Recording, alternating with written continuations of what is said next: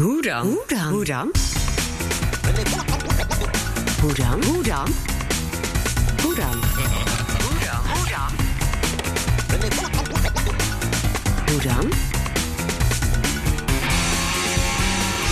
Hoe dan? Beste Remco Breuker. Voor een nieuwe interviewserie, die ik zelf in al mijn eigen wijsheid produceer, eh, zou ik graag een verzoek bij jou willen indienen om jou te kunnen spreken over de Utopische Universiteit. Het gaat om de interviewserie Hoe dan? Waarbij grote vraagstukken gedestilleerd worden aan de hand van deze ene centrale hoe dan vraag, die lang niet altijd wordt gesteld of beantwoord. Het gaat om een gesprek van 100 minuten. Ik zie je schrikken. Maar dan heb je ook ruimschoots de tijd om uit te leggen wat je plan is. Jij, hoogleraar Korea-studies, hebt een beeld van de ideale academische wereld en van de werkomgeving die je zou willen creëren. Je hebt zojuist een pamflet hierover gepubliceerd. 40 stellingen over de wetenschap heet dat. Ja, beste Remco, utopisch of niet, ik ben nieuwsgierig naar de egalitaire universiteit als echte academische werkgemeenschap. Hoe zou je dit kunnen bereiken?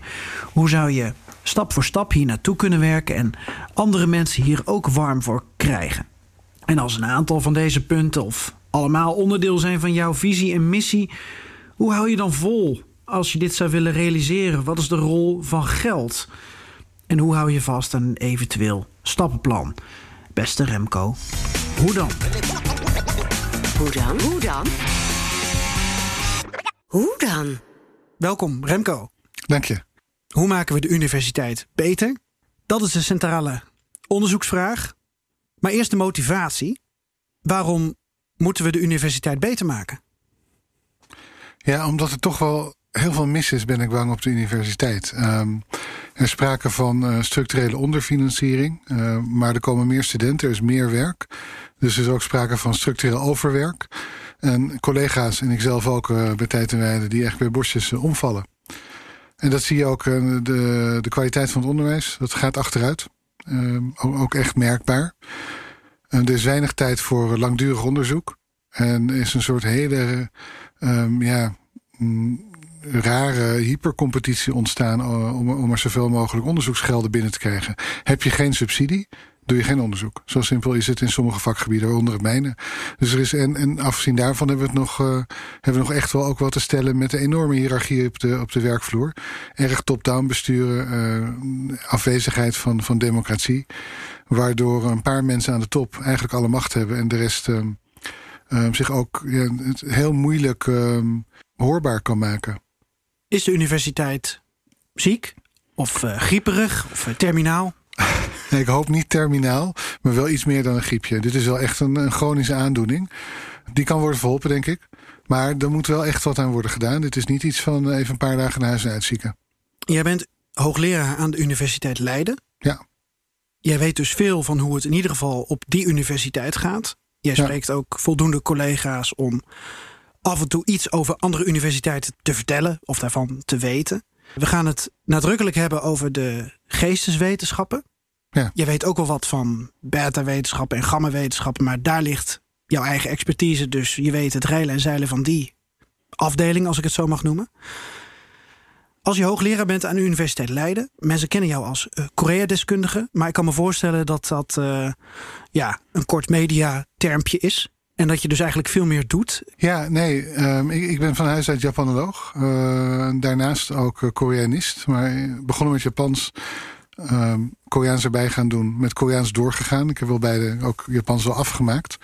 Um, gepromoveerd op middeleeuwse Koreaanse geschiedenis. Dus ik ben eigenlijk een medivist. Um, en heb me nu de laatste jaren ook wel ook heel bewust bezig gehouden met mensenrechtenproblematiek. Uh, en, en contemporaine Noord-Koreaanse aangelegenheden, vluchtelingen en, al wat iets meer zei. Nou, die laatste specialisatie is, is eigenlijk de specialisatie waarom ik um, vaak in de media optreed. Het gaat eigenlijk bijna altijd over Noord-Korea, heel af en toe over Zuid-Korea. En het is altijd over hedendaagse aangelegenheden. Maar eigenlijk, um, ja, mijn eigenlijke expertise is, is zowel breder als. als Um, als dieper, in de zin dat het dieper teruggaat in de tijd. Um, ik heb me altijd wel heel erg bezig gehouden, ook met contemporaine dingen. Ook toen ik mijn proefschrift schreef over het jaar 1000 ongeveer. Ehm, maar ehm, ehm, niet in de mate waarin ik het nu doe. Dus mijn werkweek is wel echt veranderd in die zin. is überhaupt wel veranderd. Toen, ik begon. ehm, ik heb altijd als AIO ook altijd wel veel college gegeven.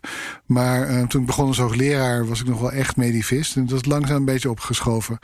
Dus ik doe nu, als ik onderzoek doe, en dat moet ik wel echt kwalificeren, ben ik bang. Want ik ben door mijn subsidies heen op het moment. Ik heb geen onderzoeksgelden. Dus het onderzoek dat ik doe, dat doe ik in avonturen en ehm, in de weekenden. Ehm, en dan is het meestal modern onderzoek of contemporain onderzoek. De, de werkweek is gevuld met ehm, onderwijs, begeleiden van studenten, eh BA, MA, ook PhD, al zijn het geen student eigenlijk. Ehm, heel veel vergaderen.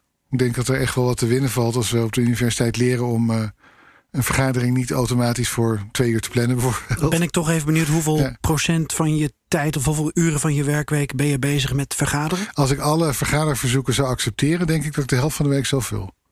Ja, dat, en dat, als daar ook echt iets uit zou komen, is een ander verhaal.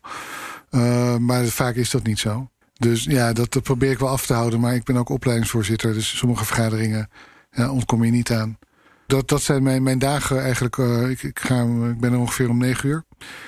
Um, ik probeer s ochtends zoveel mogelijk nog te schrijven. Dan zijn mijn hersenen vers als het ware. Mm-hmm. Lukt meestal niet omdat ik college heb of dat er andere dingen doorheen lopen. Um, dan geef ik mijn onderwijs, praat met mensen, begeleid ze, doe, neem deel aan vergaderingen. Ik ga meestal vroeg naar huis, uur of vijf. Ik heb twee uh, redelijk jonge kinderen. Um, die wil ik graag zien, ook natuurlijk. Ja. Uh, afgezien daarvan uh, verzorg ik ze net zo goed als mijn vrouw dat doet. Dus um, vijf uur naar huis, dan um, eten we. Um, en als we naar, naar, bed zijn, werk ik weer. En door het semester heen moet ik meestal toch wel doorwerken tot 12, 1 uur. Om, om een beetje niet te veel stress te krijgen van uh, alles wat ik niet heb kunnen doen. Uh, tegen het einde van het uh, semester merk ik ook wel dat ik af en toe wakker word omdat mijn hoofd op het toetsenbord uh, heeft gelegen. Dan zie je in de tekst op je, op je scherm alleen maar de letter M of wat dan ook. dat, dat is een beetje mijn werkweek. en in de vakanties is dat natuurlijk wel wat anders omdat de vergaderingen minder zijn. En het, maar heb jij vakantie? Ja, ik neem wel echt vakantie. Ja, en dan, uh, ik, ik, dat kon ik niet, maar ik heb het wel geleerd. Uh, om uh, nou, helemaal e-mails niet checken, dat is moeilijk. Mhm. Maar ik, als, als de borden op de grond vallen, uh, ja, ik, ik ruim de schuiven, ik ruim, ruim, de, ik ruim de scherven wel op na de vakantie. Of het moet, het moet echt heel dramatisch zijn. Over het algemeen is dat niet zo. Dus ja, dan, dan gaat echt wel de knop even om. Ja. En hoe zou jouw werkweek eruit moeten zien? Want dit klinkt als een tamelijk volle werkweek. Uh, met uren die je in de avond of in het weekend maakt. Ja, nou ik denk uh, minder onderwijs. Uh, uh, waardoor het onderwijs dat ik doe beter kan zijn. Dat ik meer tijd heb om voor te bereiden. Voorbereiding schiet er nu vaak bij in. Kun je dat iets nauwer schetsen? Hoeveel uur geef je les? Wat ben je kwijt aan voorbereiding? En hoe zou ja. het moeten zijn? Uh, ik, volgens mij geef ik komend semester acht uur college. Acht tot tien uur college per week. Hangt een beetje vanaf. Um, dat zijn allemaal inhoudelijke vakken. Uh, dus dat, dat vereist wel wat voorbereiding. Om dat goed te doen. Ik kan het op de automatische piloot doen, sommige vakken. Sommige vakken heb ik niet eerder gegeven. Of die veranderen elk jaar. Die moet je gewoon helemaal opnieuw voorbereiden. Een vak als premoderne Koreaanse geschiedenis, ja, dat kan ik niet updaten. Um, daar word ik niet blij van, de mijn studenten uiteindelijk ook niet. Dus dat doe je dan toch. Um, en voor een, um, ja, je hebt, je hebt voor één college toch wel 1, 2 uur voorbereidingstijd nodig als je echt alles een beetje afraffelt. Een nieuw college, dan kan je soms een dag mee bezig zijn om, een, om, om, één, om twee uur te kunnen geven daarna. En er wordt wel minder naarmate het semester vordert. Maar die tijd moet je er wel insteken. Uh, dan moet je nog het, het, correctiewerk natuurlijk doen. Praten met studenten. Um, dus ja, daar ben je, wel echt veel, veel werk mee kwijt. Dat zou ik eigenlijk minder willen zien. Dus uh, ik vind onderwijs ontzettend belangrijk. Maar de verwevenheid met het onderzoek uh, loopt gevaar. Dat is toch wat wetenschappelijk onderwijs is. Namelijk onderzoek in het onderwijs en onderwijs in het onderzoek. Uh, dus dat zou ik eigenlijk meer onderzoek willen doen. Minder, minder, minder onderwijs. En vooral ook minder bestuur en management. Want er is zoveel verslaggeving van wat je doet. En dan de verslaggeving van een verslaggeving. Er zijn commissies voor de meest bizarre dingen werkelijk. Um, en het wordt alleen maar meer. Noem eens een bizarre commissie. Nou, ik stond wel een beetje te kijken toen ik op een gegeven moment een, een e-mail kreeg van de onderwijsvoorbereidingscommissie. Ah. Dat ik allerlei dingen moest inleveren. En ik had nog nooit met ze te maken gehad. Niks te nadelen van deze collega's die ook hard werken trouwens hoor. Maar het feit dat zij. Ik, ik heb ze liever op andere. Uh, dat ze andere dingen doen. Uh, andere, uh, bijvoorbeeld direct met de studenten werken of direct dingen ondersteunen. En ik ben nog steeds niet achter wat ze precies doen, behalve mij in de gaten houden. En zeg je dan, leuk dat jullie bestaan, maar ik heb eigenlijk geen tijd om onderwijs voor te bereiden? Ja, ik, ik heb ook niet de beste reputatie bij sommige van mijn collega's door. omdat ik dat inderdaad steeds meer ben gaan zeggen. Ja. Uh, ik probeer het niet al te onvriendelijk laten klinken. Ik, ik hoop dat ik daarin slaag. Het ligt ook niet aan mijn collega's. Ze zitten in dezelfde, dezelfde structuur vast waar ik in vast zit. En het helpt ons niet echt. De bureaucratie is zo ontzettend uit de hand gelopen. Het evalueren is zo uit de hand gelopen. Ik bedoel, ik geloof ten volle in het verantwoording afleggen voor wat je doet. Ja. Maar vooral naar de hand. En geef ons, vertrouw ons maar dat we het goed doen. En grijp in als blijkt dat we het niet goed doen. En ga niet preventief alles proberen te doen. Uh, dan merk je ook wel steeds meer weerstand hoor. En zelfs ook bij onze bestuurders. Die hebben ook nou een beetje genoeg van al die visitaties. Eén keer zes jaar. En dan heb je nog een midterm review die daarop voorbereidt. En dan heb je de, de, de mock-visitatie bijeenkomt. Nou, het, het is. Wat ik al zei, het is geen overdrijving als ik zeg dat ik mijn halve werkweek zonder meer kan vullen met vergaderen. Terwijl dat eigenlijk Um, ja, het hoort natuurlijk altijd wel een beetje bij, maar het zijn niet de primaire taken van de universiteit. Dat is onderwijs, onderzoek en uh, maatschappelijke dienstverlening of outreach, of hoe je het wil noemen. Dat laatste punt, dat doe ik überhaupt al in mijn vrije tijd. Dat, dat past onmogelijk nog in mijn, in mijn uh, werkweek. Um, onder, onderzoek eigenlijk ook niet. Dus ja, het bestaat eigenlijk uit management, verantwoording afleggen.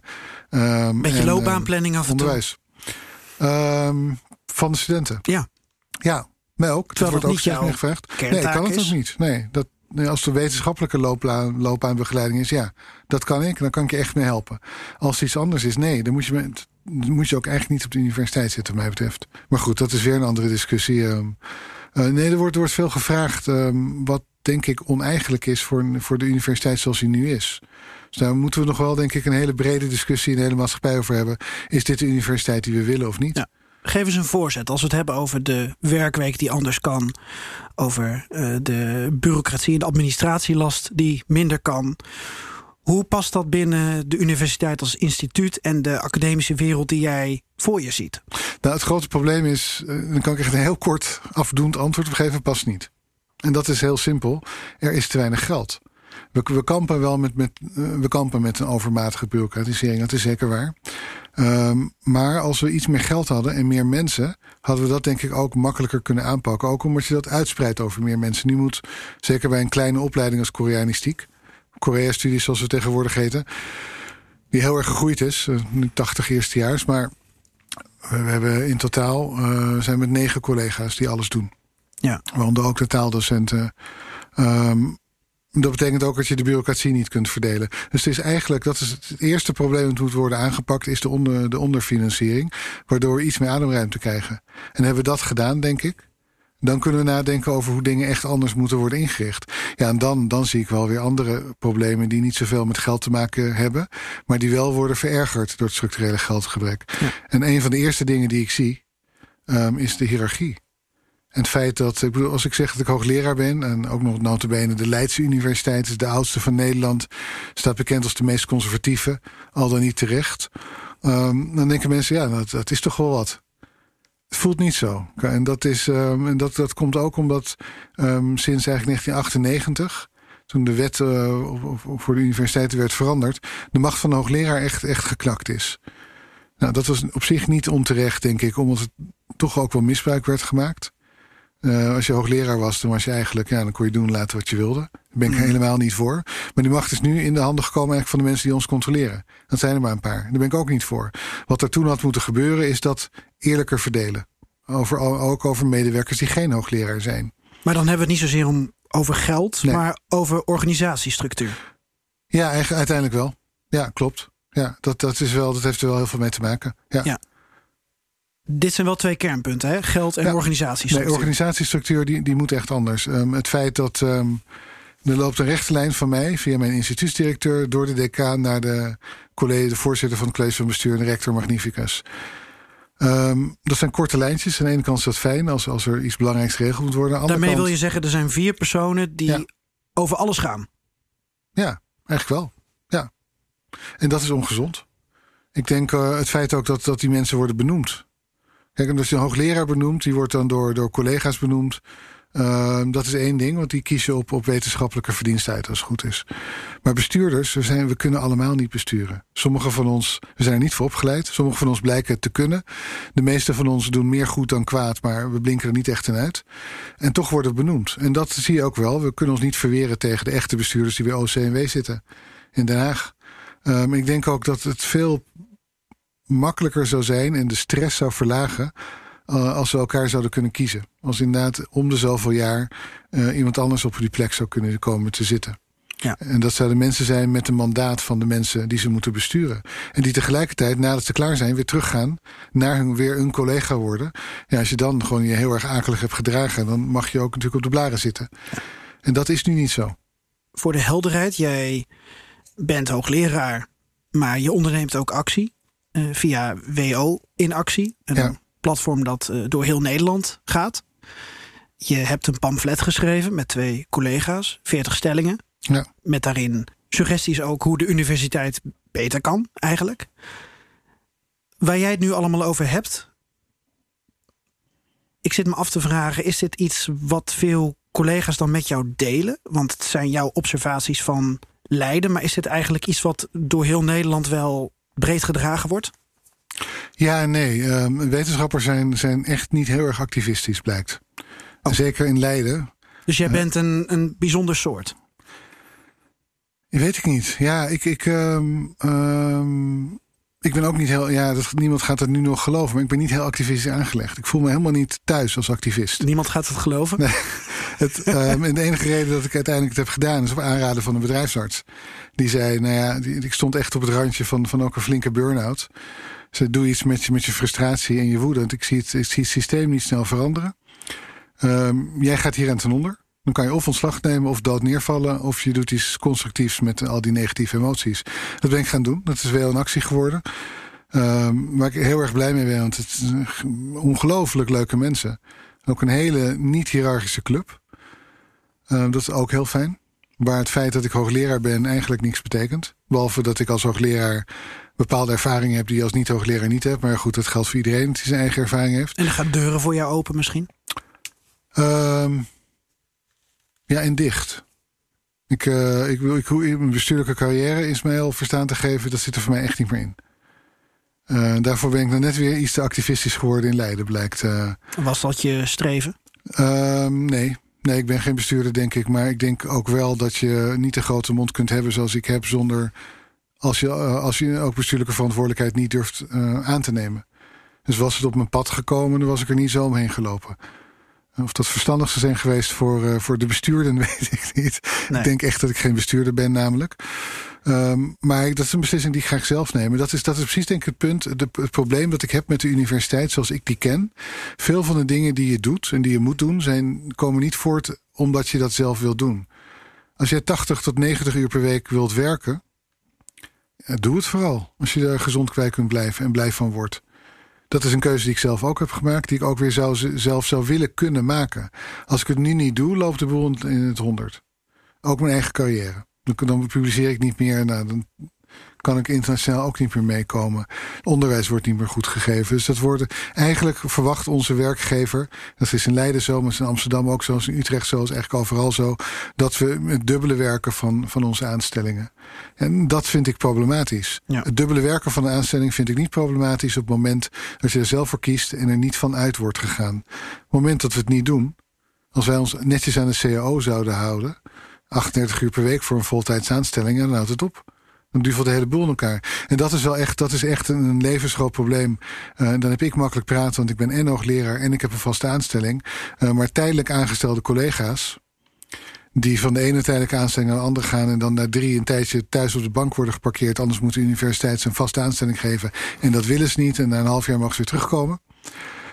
Die hebben die luxe niet om, uh, om hun stem te kunnen verheffen. Ja, kan wel, maar dan, en dat is om helemaal terug te komen naar de vraag die je stelde. Hoe breed wordt, wordt jouw analyse, jullie analyse, die van mij, Rens Bos en Ingrid Robijns, wat betreft de stellingen. De schrijvers maar, van het pamflet. De schrijver van het pamflet, maar in bredere zin van WO en actie. Al hebben die het pamflet niet geschreven, dat is wel, ik wil ze niet dingen in de schoenen schuiven waar ze uh, geen zeggenschap over hebben gehad. Um, die analyse wordt wel breed gedragen, maar dat, dat, die stap tot activisme is lastig. En als ik, ja, ik zou ook denken, ik hou me ook liever even koest. Want ik wil eigenlijk wel weer terugkomen. Ik wil toch wel blijven werken in de wetenschap als ik geen vaste aanstelling zou hebben. Um, en dat is denk ik, um, voor wat onze bestuurders betreft, vind ik dat vrij onvergevelijk. Dat je zo eigenlijk, het is ook altijd, bijna altijd ook de jongere generatie, niet, niet altijd, maar grotendeels wel, die daar ja, wordt gecannibaliseerd. We vreten ze zelf op en we spugen ze weer uit. Ja. Um, Daarmee bedoel je dat mensen, jonge mensen gedwongen worden om en onderzoek te doen en les te geven, terwijl ze dat misschien niet willen, misschien niet kunnen, terwijl de werkdruk verhoogd wordt, terwijl ze misschien carrière in het buitenland moeten maken om hier in Nederland een vaste aanstelling te kunnen krijgen. Ze worden voor het blok gezet, terwijl dat niet de reden is dat ze in deze wereld zijn gestapt. Nee, dat klopt. Het, is, het wordt je ook niet. Kijk, als je rondkijkt terwijl je um, studeert en je, je proefschrift schrijft, dan, dan, krijg je wel een idee van hoe dingen werken. Um, maar. Maar ja, dan heeft iemand een fijne relatie met jou als begeleider. Ja. En dan denkt die persoon, nou, ik wil wel in deze wereld blijven, want uh, Remco is een fijn persoon. En zo zijn er meer misschien. Ja, nee, misschien wel. Um, nee, dat is zeker zo. Ik bedoel, er zijn heel veel fijne mensen. Um, al zou ik me daar zelf niet meteen onder rekenen. Volgens mij verschrikkelijke zeur af en toe. Maar goed. Nee, maar het is absoluut waar. En dan, um, er worden dingen van je verwacht nu, uh, als je carrière wil maken in de, wetens, in de wetenschap die ook niet echt helpen. Ik bedoel, naar het buitenland gaan kan heel goed zijn. En vooral ook als je zelf naar het buitenland wil. Uh, Nederland is, is geen groot land, maar ja, we draaien toch vrij hoog mee in de internationale wetenschap. Je kan heel veel hier doen. En toch, als we iemand moeten aannemen, kijken we altijd naar de internationale ervaring. En mijn vakgebied is dan natuurlijk wat anders, want het is klein. En als we niet iemand uit Nederland nemen, moeten we iemand uit Leiden nemen, moeten we iemand uit de rest van de wereld nemen, niet uit Nederland. Maar in het algemeen denk ik, de ja, de, bijna de noodzaak om een hele tijd een nomade te zijn. Daar komt het op neer. Van de ene plek naar de andere te zwerven, van tijdelijke aanstellingen, al dan niet in het buitenland. Dat doet niemand goed. Er zijn maar weinig mensen die daar echt voor zouden kiezen als ze die vrije keuze zouden hebben. En dan nog kan je denken, als het goed voor de wetenschap is, ja, dan moet je dat maar doen. Maar wat blijkt, het is niet goed voor de wetenschap. Ik zie het zelf bij ons ook. Dat um, mensen die van de ene naar de andere aanstelling moeten gaan... omdat ze geen vaste aanstelling krijgen... terwijl ze wel goed doen en presteren... en het werk blijft voortbestaan... En dat zijn de twee voorwaarden voor een vaste aanstelling. Nou, de derde is dat er geld is natuurlijk. Maar als het werker is en je kan iemand aannemen tijdelijk... dan kan je ook die persoon ook vast aannemen, volgens mij. Um, je ziet, ik, ik zie dat bij mijn eigen medewerkers ook. Die produceren minder. Die raken toch motivatie kwijt. Die zijn minder bereid om dat extra beetje te werken als het even moet. En dat is, dat is gewoon ook vanuit een bedrijfsmatig oogpunt, denk ik, stom. Om zo met je mensen om te gaan. Wat betekent dat als ze minder publiceren? Wat voor repercussies volgen er? Nou, geen vaste aanstelling. Het is een vicieuze cirkel. Je hebt geen vaste aanstelling. Terwijl ze er eigenlijk weinig aan kunnen doen dan? Helemaal niks in uh, veel gevallen. Uh, het hangt echt ook van het vakgebied af. Je moet geluk hebben met een begeleider die wat meer ruimte geeft. Met een instellingsmanagement dat je meer ruimte geeft. Als je het niet krijgt, dan geef je alleen maar college. Haal je die publicaties niet en dan ga je naar de volgende baan toe. En dan kijken ze, ja maar meneer van vrouw, u heeft niet genoeg gepubliceerd in, in toonaangevende vakbladen. Ja. ja, maar ik moest zes colleges geven. Ja, had u dat niet moeten doen. En dat, dat is echt problematisch. En het is een, een cirkel, een vicieuze cirkel waar je moeilijk uitkomt als je niet ook een beetje geluk hebt. En het is niet in alle vakgebieden zo, maar zeker in de geesteswetenschappen is dat echt. Um, ik vind dat echt heel problematisch. En ik, ik merk ook bij mezelf dat ik steeds minder bereid ben om daaraan mee te doen. Toch gaan we zoeken naar een oplossing. Zeker, ja. Nog heel even samenvatten. Eh, kijken of we alle punten benoemd hebben. Die aangeven waarom de universiteit, in ieder geval volgens jou, maar ja, als ik jou zo hoor, volgens velen, beter kan worden gemaakt. Hoe? Um, ik hoor jou over uh, de overvolle werkweek. Ik hoor jou over de bureaucratie en administratielast. Uh, over de organisatiestructuur en het geld. En al deze dingen zijn ook voor een deel natuurlijk met elkaar verbonden. Ja. Nog twee punten waar ik aan dacht. Uh, jij hebt heel veel punten trouwens in het pamflet benoemd. Dus als je dit geen prioriteit vindt, dan, dan hoor ik het graag. Een veilige, fijne werkomgeving. Ja, nee, absoluut. Nee, dat, dat, heb je helemaal gelijk. Um, en dat, dat heeft alles te maken ja, met alle punten die je eigenlijk net noemde. Het heeft te maken met geldgebrek.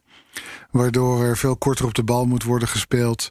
Uh, mensen geen uitzicht kan worden gegeven op, op, op, een, uh, op een baan die ook langer dan drie tot zes maanden is, soms negen of maanden of een jaar.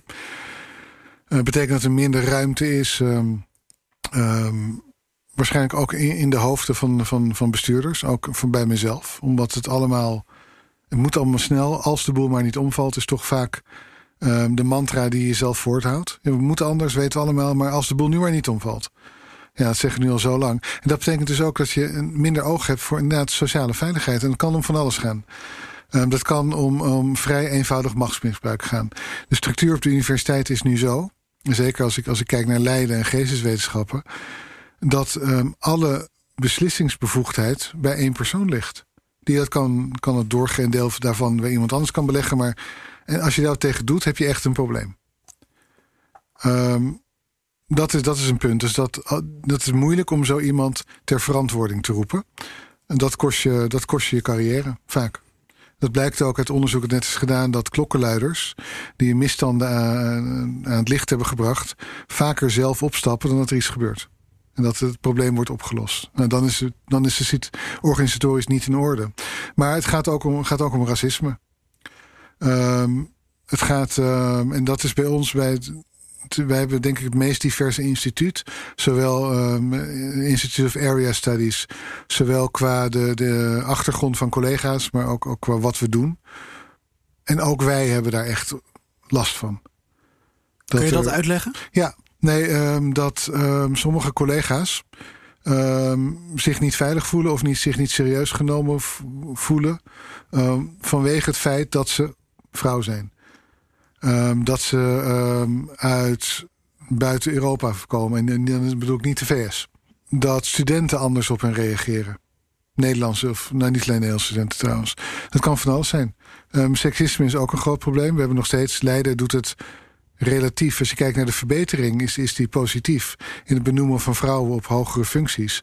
Maar het is nog steeds gek dat we meer vrouwelijke IELTS hebben dan mannelijke. Dat vrouwen over het algemeen ook eerder klaar zijn met een proefschrift dan mannen.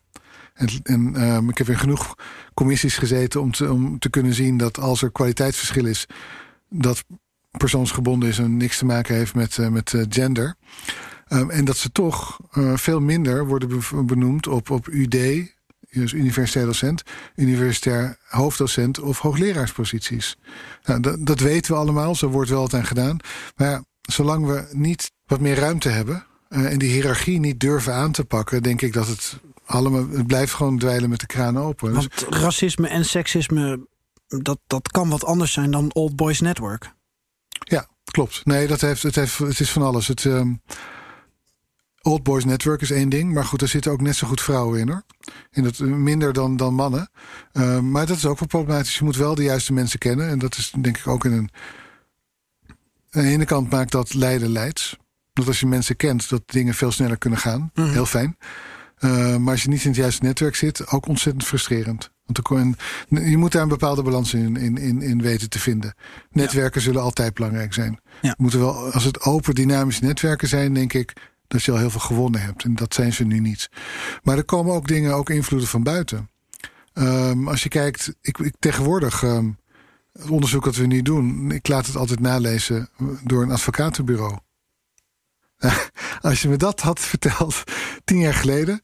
Over tien jaar laat jij je onderzoek standaard nalezen door een advocatenbureau. En um, tegenwoordig, dat is dan niet mijn, mijn middeleeuwse onderzoek. Al ligt dat in Korea ook niet altijd makkelijk. Maar dan is het onderzoek naar Noord-Korea, naar, naar uh, moderne slavernij, uitbuiting, et, cetera. Dan blijkt dat, uh, dat in onze geglobaliseerde samenleving ook Nederlandse bedrijven bij mij betrokken kunnen zijn dat politici daar wat van kunnen vinden. Dat is dan een voorbeeld dat het mij betrekking heeft. Maar wat, dat zie je steeds meer ook bij collega's. De uh, bemoeienissen van de samenleving met de universiteit worden steeds groter. En aan de ene kant vind ik dat prima, want ik ben niet voor de Ivoren Toren.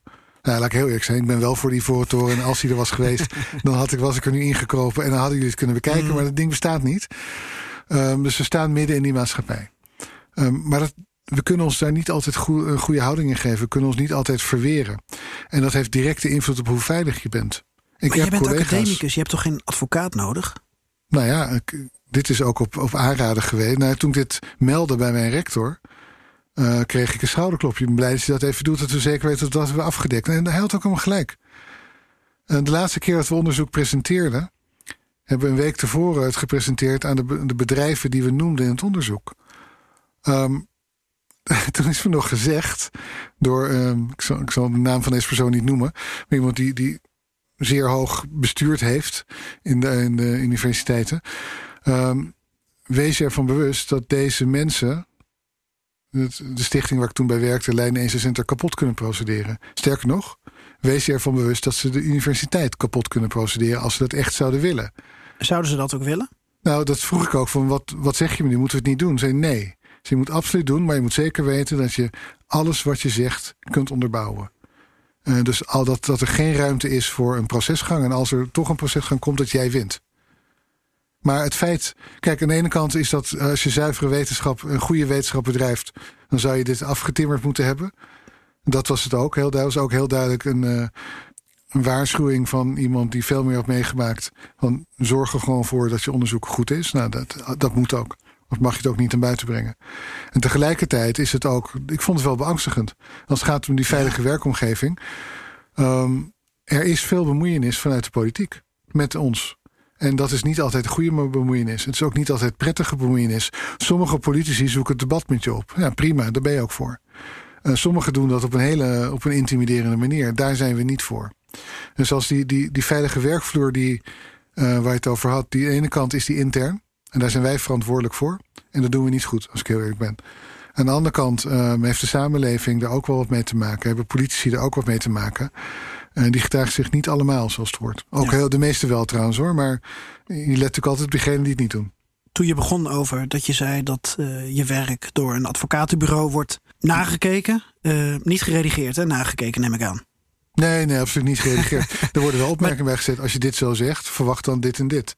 Als je het zo verwoordt, is er juridisch geen probleem. Ja, ik onderbrak je toen je iets wilde zeggen over je collega's. Die, die, ik denk dat je iets wilde zeggen over dat je collega's er dus ook mee te maken hebben. Jij staat hier niet alleen in. Is dat dan op alle universiteiten in Nederland gaande? Nou, het hangt van het soort onderzoek af dat je doet, denk ik. Sommige onderzoek is minder controversieel. Er wordt niet echt naar gekeken door, uh, door de samenleving. Wat, wat jammer is, denk ik vaak. Maar het betekent wel dat, dat je gewoon kunt publiceren wat je wil. En dat je daar weinig feedback, ja. nee, dat niet weinig backlash over hoeft te verwachten. Maar er zijn andere collega's die natuurlijk wel ontzettend veel last van hebben. Maar je hebt het over geopolitieke vraagstukken bijvoorbeeld? Meestal wel, ja. Nee, ja. maar het, het, feit dat, we, dat er ook collega's zijn die moeten worden bewaakt op de universiteit, dat is natuurlijk van de gekken. Die, uh, omdat, uh, omdat er een, een uh, geloofwaardige bedreiging bestaat omdat de mensen aanstoot nemen van hun uitlatingen in de media of hun wetenschappelijk werk. Als je aanstoot van neemt in de media, nou, dan kan je een brief schrijven of een opiniestuk of wat dan ook, of een blog of ga op Twitter, weet ik het. Als je aanstoot neemt van een wetenschappelijke werk, nou ja, schrijf een artikel dat ontkracht of dat bekritiseert wat deze persoon beweert. Ja, daar, daar is de wetenschap is niks anders dan natuurlijk een, een, een oneindig lange discussie waarin we elkaar de hele tijd bekritiseren. Maar wetenschappers zijn daar vaak, ja, en dat is toch echt wel een probleem. En dat voert uiteindelijk terug, denk ik, naar de beginvraag van waarom de universiteit nu ja, beter moet worden in beide betekenissen, zoals je aangaf.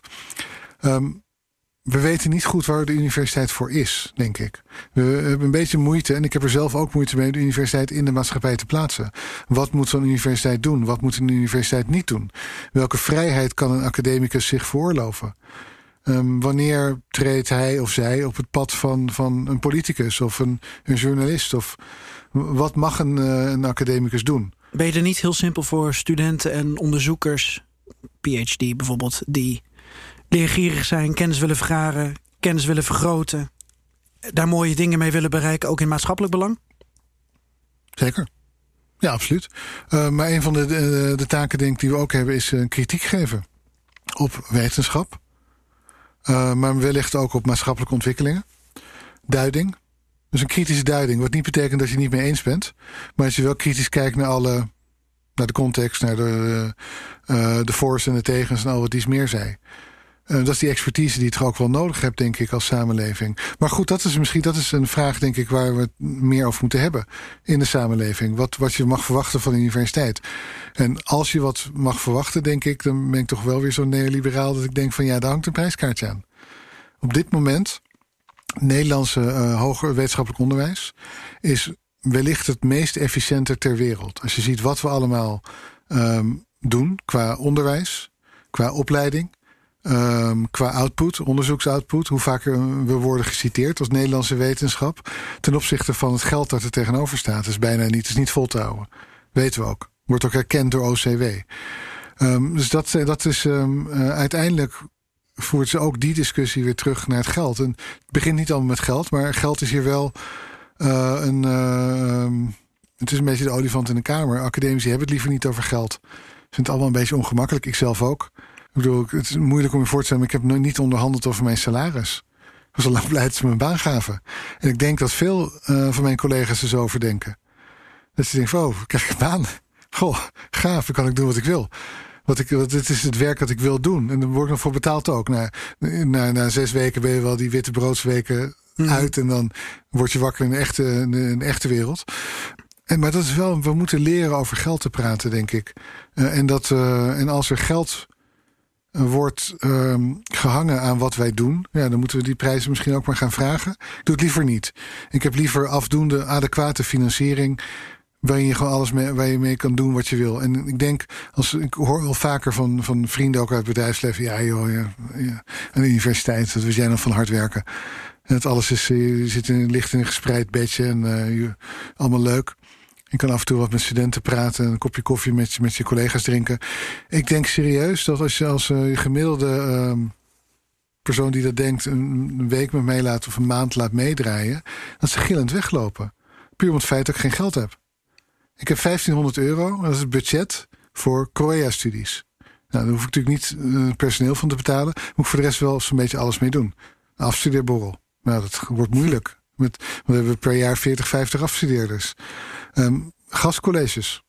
Wat we dus nu doen, is dat we mensen niet betalen. En liever ook hun reiskosten niet vergoeden. Ja. Um, of, of je doet het zelf. Als ze een fles wijn voor ze wil kopen of een boekenbon, betaalt zelf. Nou, dat soort dingen. En dat is allemaal niet zo erg. Maar alles bij elkaar kom je wel tot eigenlijk tot, tot een structureel probleem. Structurele onderfinanciering. En we laten dingen draaien die eigenlijk niet kunnen draaien. In de praktijk zijn wij verantwoordelijk als docenten voor denk ik 30 tot 40 procent door ons structurele on, uh, onbetaalde overwerk, want we mogen niet voor overwerk worden betaald volgens de CAO, um, voor de opleiding van studenten. Wat betekent, als je het heel akelig ziet, is dat de studenten medeplichtig zijn aan de burn-out van hun docenten. Nou, zo, dat, zover wil ik niet gaan. Maar nou, ik zeg het wel omdat ik hoop dat studenten nadenken over de rol die zij spelen en vooral de rol die ze kunnen spelen. Uh, om dan weer terug te gaan op weer een eerdere vraag van je over hoe breed deze visie en het activisme wordt gedeeld. De visie wordt breed gedeeld, activisme niet. Nee. En dat komt ook omdat de studenten niet in beweging zijn te krijgen. En dat begrijp ik ook wel, want anders dan in mijn tijd wij werkten ook wel ook allemaal bijbaantjes, maar het is vaak om extra dingen te doen. Uh, het aantal studenten dat echt moest werken, structureel, en ook echt 10, 20 uur per week om te kunnen blijven studeren, was denk ik niet, niet de meerderheid. Nu wel. Alles wat ik jou hoor zeggen, bijna alles, over uh, Nederlandse universitaire systeem, of de universiteiten, of de hoogleraren, allemaal onderdeel van een van de meest efficiënte ter wereld. Er is sprake van uh, dat jullie veel te veel uren maken ten opzichte van, van wat het zou moeten zijn. Je noemt er nog een paar ja, klachten, mag ik het zo noemen? Zeker. Nee hoor, ja, met hoofdletter zelfs. Ja, nee. Ik dacht ineens, het lijkt alsof ik met uh, de academische variant van uh, Farmers Defence Force aan het praten ben. Het lijkt alsof je ja. problemen aanstipt, laat ik het zo zeggen, die best wel overeenkomen met andere beroepsgroepen, zoals de de boeren, de landbouw, ook heel efficiënt. Ook heel belangrijk voor Nederland. Je, je zegt alleen ook net, het activisme eh, ontbreekt, of het maatschappelijke debat ontbreekt wat betreft het eh, beter maken van de universiteit. Nou, we zitten nu in een tijd waarin uh, de discussie over de landbouw levendig is. Waarom die discussie wel en de discussie over ons onderwijssysteem, over de academische wereld, over de universiteit als instituut, waarom die niet? Ja, ik denk een paar redenen. Eén is, we hebben geen trekkers. Dat maakt toch echt uit? Ik bedoel, wij, wij stonden jou als voortrekker? Ja, niet genoeg blijkbaar. Kijk, eh, we stonden op Malieveld. Uh, met 40.000 uh, collega's. Heeft niks uitgehaald. Tenminste, er zijn geen directe toezeggingen gekomen. Het feit dat we er stonden, denk ik, qua solidariteit was, was echt mooi om te zien. Dat is één ding. Dus het, uh, als de boeren daar naartoe gaan met hun trekkers, ja, ander verhaal. Uh, ik denk ook niet dat de problematiek helemaal vergelijkbaar is, omdat wij volgens mij niet verantwoordelijk zijn voor de problemen die ons teisteren. Uh, onze problemen worden voornamelijk veroorzaakt door krachten buiten ons ehm, werkgebied. En ik weet niet of dat voor de landbouw hetzelfde is. Uh, maar goed, ik wil niet altijd. Ik ben geen expert op het gebied van landbouw, dus laat ik mijn mond daar vooral verhouden. Uh, denk wat meespeelt is dat academici over het algemeen te bleu en te lief en te aardig zijn. Dus ik bedoel, het feit dat we daar rondliepen met spandoeken, nou, dat, dat is nogal wat. Dat doen we niet zo snel. Dat doen we liever niet. Nou, niks ten nadelen van jou ja. als voortrekker. Maar uh, genoeg boerenorganisaties hebben hele goede, slimme marketingbureaus in de armen genomen. Ja, die hebben geld. Dat is wel een probleem. We hebben geen geld. Anders had jij wel een lobbyist aangesteld. We hebben een lobbyist, nu. Die krijgt het niet voor elkaar, ben ik bang. Die heb ik weinig in de kranten gezien de afgelopen ja, tijd. Nee, ik ook te weinig. Uh, nou, of ze in de kranten halen, vind ik. Ja, ik hoop dat ze resultaten halen. Nou ja, het water staat aan onze lippen, niet genoeg. Uh, ja, ik zou heel graag lobbyisten willen inhuren. Dan moet ik heel erg zeggen, als ik het geld had om lobbyisten in te huren, denk ik dat ik het gewoon over de universiteiten zou verdelen in eerste, in eerste plaats. Um, daar is de nood hoger. Ik weet misschien is het strategisch dom. Dat weet ik, weet ik niet. Het kan best. uh, maar goed, dat, dat is wel een, een, verschil. We hebben het geld niet om die bureaus in te huren. De boerenprotesten zijn natuurlijk gesteund. Op alle mogelijke manieren. En ook met veel geld. Ja. Uh, het onze is wel gesteund door, en daar ben ik ook heel blij, door de vakbonden. Uh, FAWO, AOB en FNV natuurlijk. Die daar ook wel echt geld in hebben gestoken. Maar dat is, staat echt niet in verhouding tot dat soort protesten. En ik denk het andere is, denk ik, um, en dat vind ik wel ironisch, omdat de Nederlandse landbouw is natuurlijk heel succesvol ook. Maar um, wij exporteren, volgens mij, als ik niet, niet vergis, 90% van wat er hier wordt geproduceerd aan landbouw. Qua als het gaat om de, de universitaire wereld, de, acad de academische wereld, hangt nog steeds een sfeertje omheen dat we allemaal geprivilegeerd zijn. Dat we allemaal maar wat doen, niet heel hard werken. Ook niet weten wat hard werken is. Elite. Elite. Vies woord is dat tegenwoordig. Ja, ja. Nou, ik denk, ik hoop dat we de intellectuele elite zijn. Dat we het ook vooral zullen blijven. We moeten niet aan denken dat we dat niet meer zijn. Dan hebben we geen universiteit meer. Je wil ook niet iemand als ik bij Ajax hebben. Dat is gewoon dat ze niet goed zijn voor het voetbal in Nederland. Je begrijpt wat ik bedoel, denk ja. ik. Um, ja, we zijn elite en dat moeten we ook zijn. Alleen wat wel zo is, denk ik, het moet geen sociale elite zijn. Je moet niet alleen maar kunnen studeren omdat je ouders het hebben gedaan. Ja. Je moet kunnen studeren omdat je de motivatie hebt en de capaciteit om dat te doen. Maar um, de, de, algemene, ik bedoel, we worden niet heel serieus genomen. Dat is heel duidelijk. Onze problematiek wordt niet serieus genomen. Dat zag je ook. Uh, we moesten op een gegeven moment in, in het weekend dan college gaan geven, bleek nu.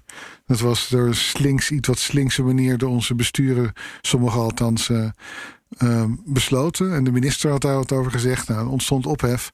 Uh, wie, wie is we moeten in het weekend. Uh, docenten moesten in het weekend. Op alle universiteiten? Uh, het was wel het idee dat het moest kunnen. Okay. Ja. Um, en daar is toen best wel wat ver, ver, verzet tegen gekomen. En de reacties die ik kreeg buiten mijn collega's om was... ja, jezus, we zijn hier ontzettend verwend. Waarom zou je niet in het weekend werken? Is dat dan zo erg? Zie je wel, aanstellers. En ik van ja, ten eerste, we werken al het weekend. Um, maar dit is weer typisch zo'n top-down beslissing... die niet eerst bij ons werd neergelegd als werknemers. En wat je dan ziet, en dat is, dat is het grote probleem. Um, ik weet niet in hoeverre de gemiddelde politicus... het, het dagelijks leven van de boer kent. Mm. De boerin. Um, sommige beter dan anderen. Carola Schouten is volgens mij zelf afkomstig uit een ja. uh, boerenfamilie. Dus de boerendochters, die, die kent het wel. Maar de politici die ik heb gesproken... weten echt niet hoe onze dagelijkse werkelijkheid eruit ziet. Ik denk dat meer politici op de universiteit hebben gezeten... Ja. dan op de boerderij. Als student, ja.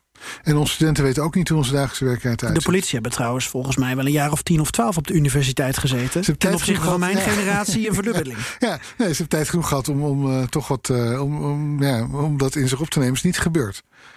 Want dat is ook, ik heb ook met, met verschillende mensen gepraat. En de, aan de ene kant ben ik er heel blij om, want die belangstelling is er. En ze geven je de tijd om uit te leggen wat er aan de hand is. De eerste vraag was, en dan gaat het om de leider van een grote politieke partij. Waarom zijn je zo bas? We begrijpen het niet. Leg het eens uit. En dat is telkens het probleem. Niemand begrijpt waarom we er echt genoeg van hebben. Waarom um, ook veel jongeren. Ik, ook, ik moet heel erg zijn, ik raad mijn PhD-studenten ook niet meer aan om in de wetenschap te blijven. Het is um, te, te onzeker. Wat zeg je dan? Waar, waar moeten ze dan heen? Nou ja, als je je proefschrift hebt geschreven.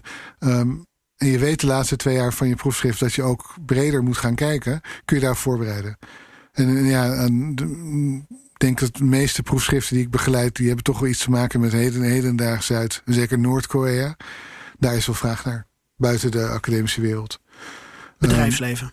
Um, bedrijfsleven of, of NGO's. Um, um, de, ook, ook, ministeries, allerlei diensten. Uh, nee, het zijn vaak ook internationale mensen die dat doen, niet alleen Nederlanders. Ja. Het is te onzeker. En als je gewoon geen, niet, geen nomadisch leven wilt, dan, of als je partner, als je die hebt, niet gewoon genoeg verdient om het voor jou mogelijk te maken om altijd van de ene tijdelijke baan naar de andere te hoppen, dan heb je een probleem. Um, en dat staat in geen verhouding tot de lengte van je uh, opleiding, het, uh, de moeite en ook soms het geld dat je er zelf in hebt geïnvesteerd, um, de kwaliteit van je kennis, je ervaring, je expertise dan kan je die beter een keer ergens anders inzetten. En dat is eigenlijk een, uh, een. Ja, ook als ik dit zo zeg, dan schrik ik er zelf ook van. Dat ik. In, uh, mijn, uh, nu, ik heb nu in de PhD-centers gepromoveerd. En op het moment dat wij echt iemand nodig hadden op de, bij de opleiding. En die, hebben die, het was wel een open sollicitatie. Het was niet zeker of hij het zou worden of niet. Ja. Hij is het geworden. Maar hij is ook wel echt een uitzondering. Bij de meeste gaat het niet zo. Dan komt die plek niet vrij. Bij mij ook. En mijn begeleider was ook heel eerlijk met mij. Um, voor jou zal er waarschijnlijk een leider geen plek zijn. Nou, het is anders gelopen. En dat is ook gewoon een uh, ongelofelijke dosis geluk geweest. Goede mensen op goede moment. Um, en een groei van, van, van de opleiding, waardoor er opeens wel plek was. Maar over het algemeen gebeurt dat niet. En dat is um, moeilijk ook om duidelijk te maken, denk ik, aan de buitenwereld. Als je niet inzit, als je partner niet aan de universiteit werkt, waardoor je gewoon dagelijks gewoon die, die vaak toch al stijgende frustratie op dat, op dat gezicht ziet. Um, komt het niet, komen onze klachten niet serieus over. Maar um, als je kijkt, we hebben een, een enquête met WO in actie ook gehouden um, over de, de gevolgen van het, van het structurele overwerk. Ja. En we, wilden, en we hadden gehoopt op ongeveer 100 respondenten. En dachten, dan is hij hartstikke geslaagd. Dan hebben we een idee hoe erg het is. Op een gegeven moment hebben we de, de enquête dichtgegooid toen we op 780 of zo respondenten zaten. En wat eruit kwam. Um, en ik, wat je net zei, ik ben hier al een tijdje mee bezig. Ik ben activistisch.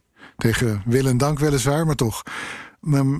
Ik weet wat de problemen zijn. En ik las die verhalen. Af en toe ben ik gestopt, omdat ik gewoon echt beroerd van werd. Omdat ik inderdaad, ik herkende de klachten. De uh, mensen die de, de isolatie, het isolement waarin je terecht kan komen. Altijd maar te werken, te werken, te werken.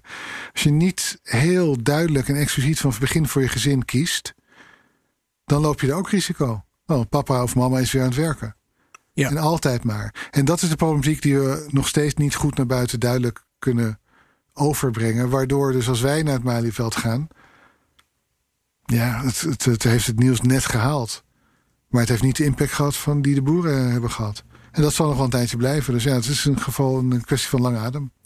Zullen we het hebben over de oplossing? Over het beter maken? Over de, ja, dat is uiteindelijk het belangrijkste. Het medicijn? Ja. Dat is wel uh, bijzonder in deze tijd. Uh, niet voordat als het oké okay is voor jou... dat ik nog even een glaasje water haal. Misschien ook voor jou, als je dat nog fijn vindt. Kan je nog een bekertje water gebruiken? Ja, heel fijn, of, uh, ja. De oplossing, Remco, voor een heel breed probleem... met steeds meer vraagstukken. Hoe langer we hierover praten, hoe meer punten we eigenlijk aanstippen. Hoe, uh, ja, treuriger de situatie misschien ook is. Ja, ik denk structureel wel, maar tegelijkertijd, het is natuurlijk ook wel een ontzettend mooi beroep. Uh, het onderzoek, uh, dat is voor iedereen anders, maar het is ontzettend leuk om dingen uit te vinden. En dat uh, om, om heel veel te investeren, een hele tijd lang, en dan opeens de vruchten daarvan te kunnen plukken. Onder studenten zijn ook ontzettend leuk word af en toe helemaal gek van. Tegelijkertijd, ik zou het niet willen missen. Ik, ik ben de wetenschap ingegaan voor het onderzoek. Maar daar hoort onderwijs echt bij. Um, omgang met collega's idem dito. Outreach, ook ontzettend leuk. Ik vind het heel leuk om in de media dingen te kunnen duiden. Dus er zitten, het is niet allemaal uh, treurigheid. Maar structureel hebben we echt problemen waar we wat aan moeten doen. Maar er zijn denk ik wel oplossingen. Het is niet, het is niet te laat. Um, om, dat is zo om mooi. Dingen, om dingen om te gooien. Ik kreeg bijna ja. de indruk dat het te laat was. Nee, het is ernstig. Het is wel... Um, er vallen te veel mensen uit. Er zijn te veel carrières geknakt. Ja, daarom noemde je het in het begin ook een chronische aandoening. Geen griepje, ja. niet terminaal. Nee. We zitten er tussenin. toen wij voor deze opname uh, even belden, toen, toen vroeg ik ook van heb jij uh, universiteiten die jij op je netvlies hebt waar we ons aan zouden kunnen spiegelen? Uh, misschien wel een utopische universiteit, een ideale universiteit of een universiteit waarvan je denkt van nou die heeft in ieder geval de boel zo op de rit en dat is misschien ook realistisch voor het instituut dat ik voor ogen zie.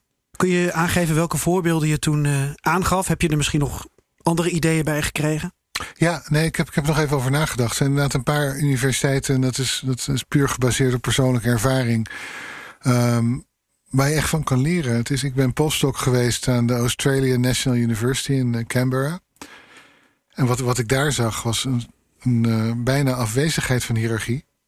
Dat was heel, prettig om te zien.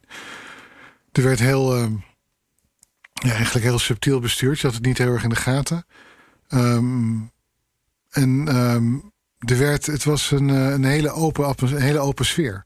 In Leiden, wat ik gewend was, als ik kritiek op elkaar gaf, was het toch vrij, vrij hard. moest je ook tegen kunnen. Niet over zeuren, maar gewoon dan geef je je kritiek ook weer hard terug. En daar was het, uh, daar is ook wel even van te kijken. Die, kritiek was veel prettiger verwoord, maar uiteindelijk gewoon wel echt veel verwoestender. Um, en die kwam ook van mensen die niet noodzakelijk iets met jouw vakgebied te maken hadden. Dus de, de organisatie-eenheden waren groter. Waardoor je inderdaad bij het koffiezetapparaat kon praten met iemand over de geschiedenis van Fiji. Waar ik niks van af wist. Nog steeds heel weinig. Ik ook niet. Maar waar je wel dan heel, uh, heel eigenlijk geïnspireerd weer van, van terugkomt. Ja. En dat, um, dus die een open organisatiestructuur en een gebrek aan pretentie maar aanwezigheid van kwaliteit. Oké, ik, ik, probeer met je mee te schrijven om het uh, op die manier als een soort samenvatting te hebben. Dus een open structuur. Ja, een, uh, open, een open structuur waarin hiërarchie eigenlijk uh, tijdelijk is. Dus ja, er was een hoofd van de onderzoeksschool waar ik zat. Mm -hmm. um, en die nam beslissingen die anderen niet namen. Want dat was, dat was, op dat moment was het een Japanoloog en Koreaniste. En dat was haar taak. Ja. Dus dat deed ze. Maar goed, we wisten ook na drie jaar was iemand anders aan de beurt. En dan was zij weer gewoon een van de, van de rest. Dus je geeft aan een open structuur met een tijdelijke hiërarchie. Dan kan je elkaar nog steeds van repliek bedienen. Ja. Op een manier die ook echt daadwerkelijk uh, impact heeft en resultaat heeft. Constructief. Uh, maar je laat ook, en dat is wel iets waar we in Leiden denk ik ook nog wel wat te, te leren hebben. Uh, de manier van kritiek geven was was echt onder indruk. Het was gewoon analytisch sterk. Ja. Maar het bruskeerde niet. En dat is zeker ook, uh, en dat nu natuurlijk de discussies die om racisme, institutioneel racisme in Nederland uh, spelen. Terecht, zou tijd worden dat we daar iets aan doen. Um, hoe je anderen bekritiseerd hebben, heeft, zeker op een universiteit, heeft er denk ik ook wel echt heel veel mee te maken. En ik denk, Australiërs liepen daarin voor op ons. Tenminste, dat is wat was mijn ervaring daar. Um, die analytische kritiek was er, maar je, wel op zo'n manier dat je iemand in zijn waarde of haar waarde kon laten. Dat is niet altijd makkelijk om die balans te vinden. Um, organisatorisch, inderdaad, dat roleren van, van de bestuurlijke verantwoordelijkheid. En dat zie je ook in Duitsland, en universiteiten. Collegiaal bestuur paar jaar ben jij de, de baas. En dan is je collega de baas. Ja, dan, als jij dan echt uh, ellende hebt gecreëerd. Iemand uh, hm. Streken hebt geflikt. Dan krijg je ze natuurlijk terug. Maar hoe heb je dan structureel beleid. In plaats van dat iedereen Niet. zijn eigen agenda... Weg met het beleid. Nee, ja, maar dan krijg je elk half jaar een andere agenda. Een beetje de Europese ja, nee, Unie met rolerende nee, voorzitters. Nou, gaat dan maar eens, je zal toch uh, consensus moeten kweken. Als jij niet meer alle macht hebt, dan kan je beleid alleen maar uitvoeren op het moment dat jouw collega's dat in grote getalen steunen. Nou, dan moet het goed beleid zijn of moet minimaal beleid zijn. En als het gaat om uh, een onderzoeksinstituut, Um, dat breed is. Dus je hebt het niet over, als, als we het hebben over, nou, ik weet niet, Noord-Korea, mensenrechtonderzoek. Dan kan ik me voorstellen dat je een vijf of misschien wel een tienjarige visie wilt hebben. Ja. Maar als het breder onderzoek is, het onderzoek voor heel Azië-studies en Midden-Oosten-studies en Rusland-studies, noem het maar op. Dan wil je dat helemaal niet, denk ik. Want je wil zeker weten dat al die, in die onderzoekers zelf hun agenda kunnen bepalen. Die weten veel beter wat ze moeten doen dan ik dat weet je moet ze wel de mogelijkheid geven. Dus het moet eigenlijk minimaal beleid zijn hm. en meer niet. Echt ondersteunend. Het moet altijd dienend zijn. Ja, ondersteunend, absoluut. En dat moet bestuur eigenlijk ook zijn. En nu, nu heb ik wel eens gevoeld dat het andersom is. Um, dat, dat, uh, dat is in Duitsland veel sterker ontwikkeld. De hoogleraar heeft ook nog meer macht. Nou, daarvan hoor je me niet zeggen, laten we daar naartoe teruggaan. Um, denk dat de ambt van hoogleraar bepaalde functies heeft, maar vooral namelijk als hoeder van het vakgebied. En niet noodzakelijk als bestuurder die kan vertellen hoe het eraan toe moet gaan en hoe niet. Maar ik denk wel dat de macht die er nu is bij de bestuurders, gewoon eh, wat ik net ook al zei, een eerlijker verdeeld moet worden. Ook over niet-hoogleraren. Ja. Dat onderscheid moet, moet toch wat, uh, wat kleiner worden allemaal. Dat is dus wat je in het begin organisatiestructuur noemde. Ja, maar wat je ook zag in wat je ook ziet bijvoorbeeld aan eh, een paar van de topuniversiteiten, uh, Oxford, Cambridge, de, de college structuur. Niet dat we daar helemaal naartoe zouden kunnen, want we hebben gewoon het geld niet, heel simpel. Maar dat gedecentraliseerde, waar een centralistisch bestuurder volgens mij helemaal gek van wordt. Hm. Ik hoor die klachten ook wel eens. Um, betekent het natuurlijk wel onderwijs- en onderzoeksinstellingen die soms al duizend jaar bestaan. Nou, dat is misschien wel erg lang trouwens voor Oxford, maar goed, honderden, vele, vele eeuwen.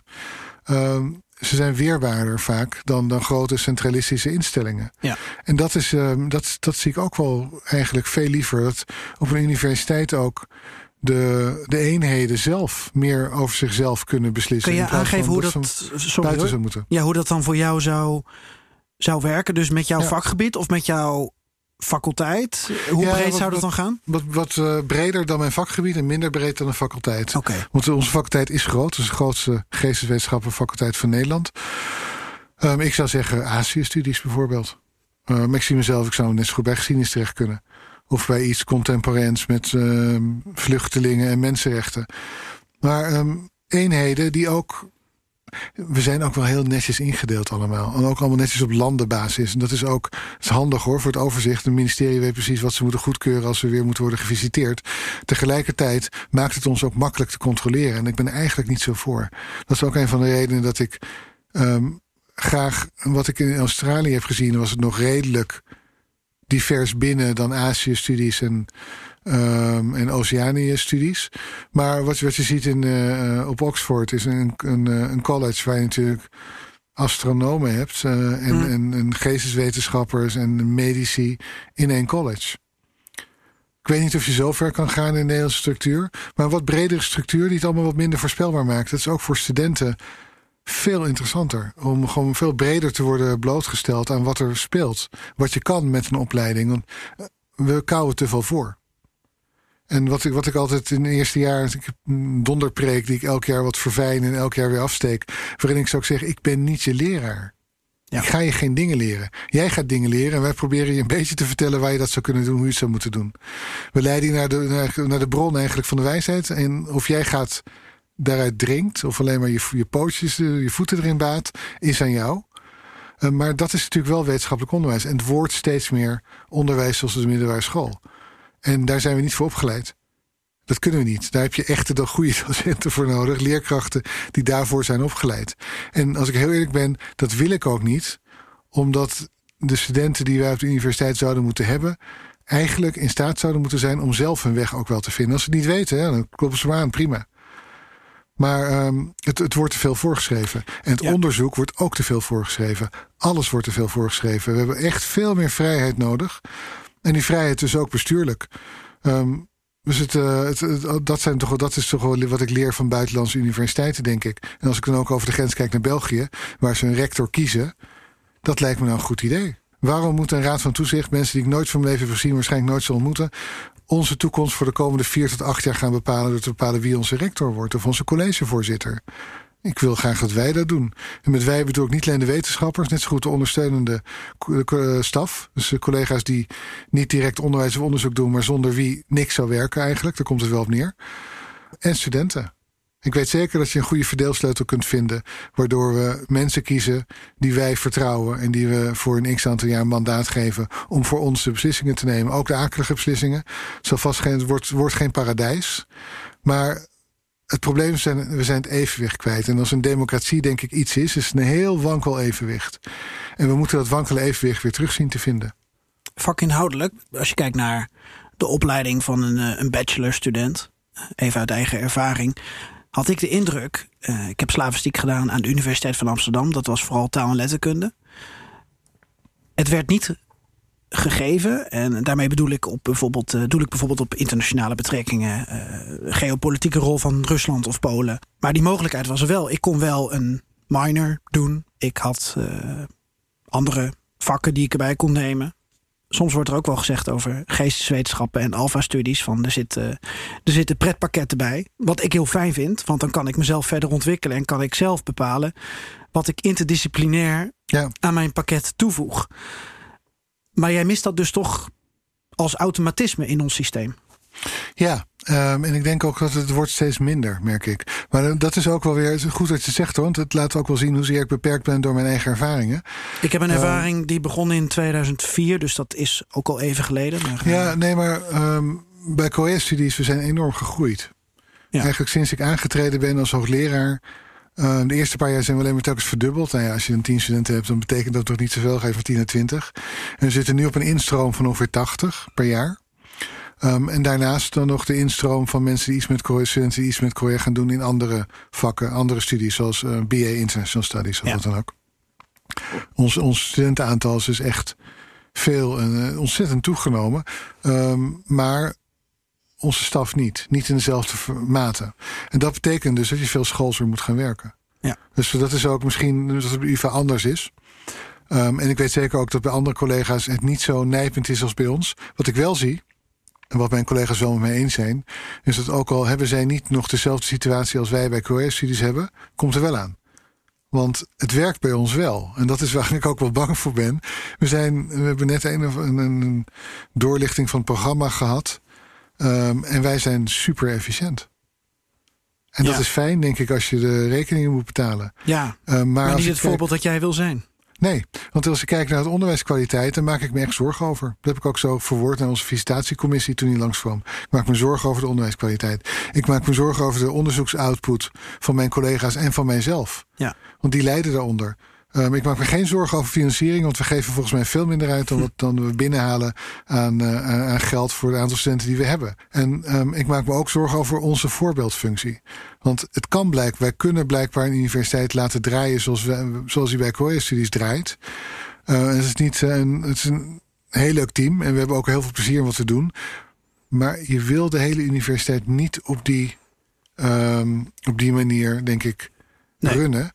Want dan hou je heel weinig over van het wetenschappelijke in onderwijs. Ja. Je hebt net een paar punten genoemd die je hebt ervaren bij andere universiteiten. Een open structuur met eh, tijdelijke rolerende hiërarchie. Je bent voorstander van meer is- interdisciplinair contact tussen eh, jezelf en je collega's en ook voor studenten en studenten en universitair docenten of hoogleraren. Eh, een goede analytische manier van kritiek geven. Altijd dienend. Alles moet dienend zijn. Dat is wel mooi. Eerlijk verdelen van van macht bij bestuurders heb ik opgeschreven. Een bepaalde structuur die wat gedecentraliseerder is. Niet per se volgens hoe dat op de bij ons bekende topuniversiteiten gaat. Maar een beetje ertussenin. Het kiezen van een rector. Al deze punten eh, hebben, raken organisatiestructuur. Raken deels ook eh, werkwijze. Wat, wat, wat van de, welk van deze punten Laat, laat ik het anders zeggen, want je had het net over onderwijskwaliteit. Helpt dit allemaal om de onderwijskwaliteit te verbeteren? Ja, ik denk het wel. Ehm dan, is één punt ook nog niet Want dan genoemd zijn we er, hè? Ja, wat wel ja, eh, meer geld. Oké, nou daar heb ik een vraag voor. Hoe ja. dan? Ja, nee, dat eh, laat ik graag aan de politie over die daarvoor worden betaald. Eh, nee, maar ik denk, ehm, nee, dat is een flauw antwoord. Ehm, nee, we, we hebben meer, we hebben adequate financiering nodig. Eh, Ja. Als je kijkt wat een opleiding kost en dan kijkt naar het geld dat we krijgen, dan, dan zie je gewoon dat eigenlijk wij eh, de opleiding van studenten financieren voor een deel, voor een derde van de opleiding of zo. Nou, dat is natuurlijk het belachelijk als ik eerlijk ben. Kun je dat iets concreter uitleggen? Ja, het, eh, het, als, als wij allemaal 38 uur gaan werken, ja. hebben we geen opleiding meer. Dan dondert de hele boel in elkaar. Zeker gedurende het semester werk je vaak twee keer zo lang. Eh, het is niet dat je daarna teruggaat naar nul om het weer gelijk te trekken. Dus jij zegt, als jullie je echt aan de uren zouden houden, je zou in- en uitklokken, je laat een heleboel dingen liggen, dan dus, dat is het bijeffect. En je laat dan in de praktijk zoveel liggen dat je ja, de, de vakgroep niet overeind kan houden. Op geen enkele manier. Het wordt ook erkend. Er staat bijvoorbeeld 10 minuten voor een scriptiegesprek. Oké. Ja, dat kan inderdaad. Als je de week daarna weer eentje van 10 minuten hebt en de week daarna weer eentje. Ja. En toen ik daar wat van zei de eerste keer, naïef als ik was, werd ook gezegd: ja, we weten allemaal dat het geen echte 10 minuten zijn. Dit zijn 10 minuten die we opschrijven. Want je hebt maar 38 uur, daar word je maar voor betaald. Ja. En dat, dat is echt problematisch. Dus we moeten ook zelf wat eerlijker worden. Dat je inderdaad, uh, ook, hou maar bij hoeveel uren je kwijt bent. En dan denk ik, um, als het gaat om, om uh, hoe dan, hoe moeten we het geld meer krijgen? Nou, um, de universiteit is behoorlijk uh, neoliberaal geworden. Je moet voor alles betalen. Als ik een zaal wil huren en het is niet voor een college, moet ik daarvoor betalen. Hm. Um, ik ben er zelf op tegen. Ik denk, ik denk dat het, uh, het maakt het heel moeilijk om een seminar te organiseren als je geen budget hebt, bijvoorbeeld. Maar goed, als we dat dan toch zo doen, prima. Maar laat mij dan ook alles doorrekenen. Ook mijn overuren. Uh, alles. Dan rekenen echt alles door. En dan denk ik, uh, en dat betekent dat studenten, nou misschien afhankelijk van de opleiding, tussen de 15 en 30.000 per jaar moeten gaan betalen. Dan wil ik wel eens een politieke partij zien die zegt: lijkt ons een goed idee. Ik denk niet dat het, uh, dat, dat een heel aantrekkelijk uh, uitzicht is. Voor uitzicht is voor ouders ook. Die al dat geld dan opeens gespaard hadden moeten hebben. om de opleiding van hun kinderen mogelijk te maken. Ja, of de overheid moet uh, 10.000 euro ja, daarvan bijdragen. Doen. Wat de overheid ook kan doen, is ons gewoon adequaat financieren. Waardoor we helemaal niet op dit punt hoeven nee, te komen. Waarmee je dus aangeeft linksom of rechtsom. Ja, we kunnen inderdaad helemaal neoliberaal worden. Dat is heel consequent. Ik ben er zelf niet voor. Maar ik vind het beter dan doorgaan uh, op deze voet, waarin eigenlijk wij alle voordelen, alle nadelen van neoliberalisme krijgen. Alles wordt ons, uh, aan ons doorgerekend. Als ik iets wil, betaal ik daarvoor. Ja. Maar ik kan zelf niks uh, in rekening brengen. Ja, dat, dan, dat klopt natuurlijk iets niet. En ik begrijp, het werkt heel goed um, voor, voor, voor OCW. Maar niet voor ons. Dus ik denk, als het, het geld kan er op die manier prima komen. We moeten waarschijnlijk wel wat um, solidairder met elkaar worden en meer de straat op of meer acties ondernemen om, om deze boodschap duidelijk over te brengen. Maar um, als ik zie hoe uh, WO een actie aan, aan populariteit is, of en populariteit heeft gewonnen, um, hoeveel steun er nu is, hoeveel e-mails je toch krijgt als je je uitspreekt, waar bestuurders misschien niet altijd gelukkig mee zijn, maar collega's wel die zichzelf dan niet durven of willen uitspreken. Of niet opportun vinden of wat dan ook, maar dat wel steunen. Ik, ja, er is toch wel echt ruimte uh, om dingen te verbeteren. En er is ook wel een wil om dingen te verbeteren. Dus op zich ben ik er helemaal niet negatief over. Maar ik denk dat we nog wel een, uh, een tijdje een, een uphill battle zullen moeten voeren. Vooral met de politiek, om, om duidelijk te maken dat dit toch wel belangrijk is. Ook voor ons lange termijn. Um, onderzoek is ontzettend belangrijk voor een gezonde maatschappij daar komen toch echt groot deel van onze oplossingen vandaan. Hoe we omgaan met de anderhalve meter maatschappij. Uh, met de veranderende wereldorde, waarin China natuurlijk nu een veel grotere rol gaat spelen. En het is toch wel gebleken dat China heel anders nadenkt, heel anders denkt over wat wij fundamentele menselijke waarden vinden. Hoe ga je daarmee om? Hoe duid je dat? Dat zijn allemaal dingen die we nu eigenlijk in onze vrije tijd doen.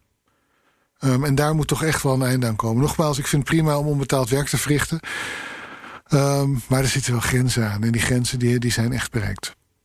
Kunnen we dit in stappen uiteenzetten? Ja, dat denk ik wel. Ik denk het, het eerste wat we moeten doen is um, geld. Dus we moeten meer.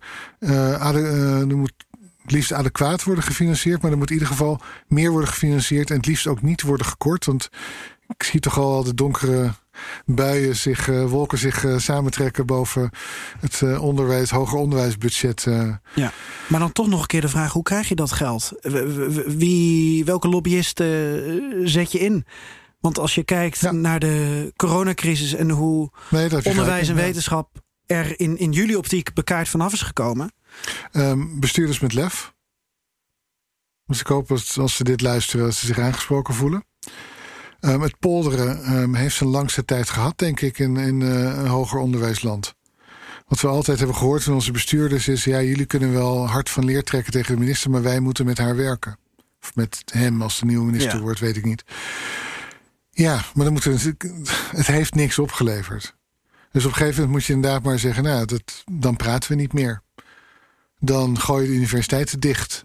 Kijk wat er zou zijn gebeurd als we dat hadden gedaan. Als we niet ontzettend hard hadden gewerkt. De coronatijd, uh, de, de lockdown was echt niet leuk. We moesten überhaupt natuurlijk niet, vanwege alle gezondheidsellende ja. voor heel veel mensen. Maar ook om het feit dat je opeens alles online moet doen. Al je colleges moesten online, je begeleiding moet online. Dat was voor de studenten, denk ik, af en toe hels. Voor de docenten niet minder. En we hebben het wel gedaan. Ja. We hebben er werkelijk niks voor gehad. Ook echt helemaal niks. We hebben zelfs moeten inleveren op bepaalde dingen. Um, dat als er nog een keer een lockdown komt, wie weet komt die, dan denk ik dat het gerechtig is om te zeggen: als we niet hierin niet worden gesteund, dan kunnen we dit niet meer doen. Het gaat ten koste van onze, uh, onze gezinslevens, onze gezondheid. Maar even buiten de lockdown om, is er geen politieke partij. Ik kan me voorstellen dat D66 weer een prachtige onderwijsagenda aan samenstellen is in aanloop naar de ja. verkiezingen. Is die partij of een andere partij, is er geen partij die dus zegt: we willen een miljard euro met deze visie en dit willen we ermee bewerkstelligen? Nee. D66 heeft dat wel gezegd bij monden van, uh, van de huidige minister, Ingrid van Engelshoven. Uh, maar ze heeft ook gezegd dat het er wel niet van zal komen. Ze weet niet waar ze, geld, waar ze het geld vandaan moet halen. Dus als zij er had gezeten, had ze geen antwoord op jouw hoe dan vraag kunnen geven. Oké, maar jij zegt tijdens dit gesprek zonder geld. En je kan wel wat, wat tweaken en wat dingen aanpassen, maar zonder geld is er eigenlijk geen begin aan. Nee, maar dan de minister zegt: ik, ik ga in eerste instantie uit van een beleid, van een agenda waar geld voor nodig is, om vervolgens te zeggen: ja, dat geld dat is er niet, dat kan ik niet lospeuteren. Nou ja, prima, dan uh, gooi je de collegegeld omhoog. Dat is denk ik dan mijn, mijn volgende stap.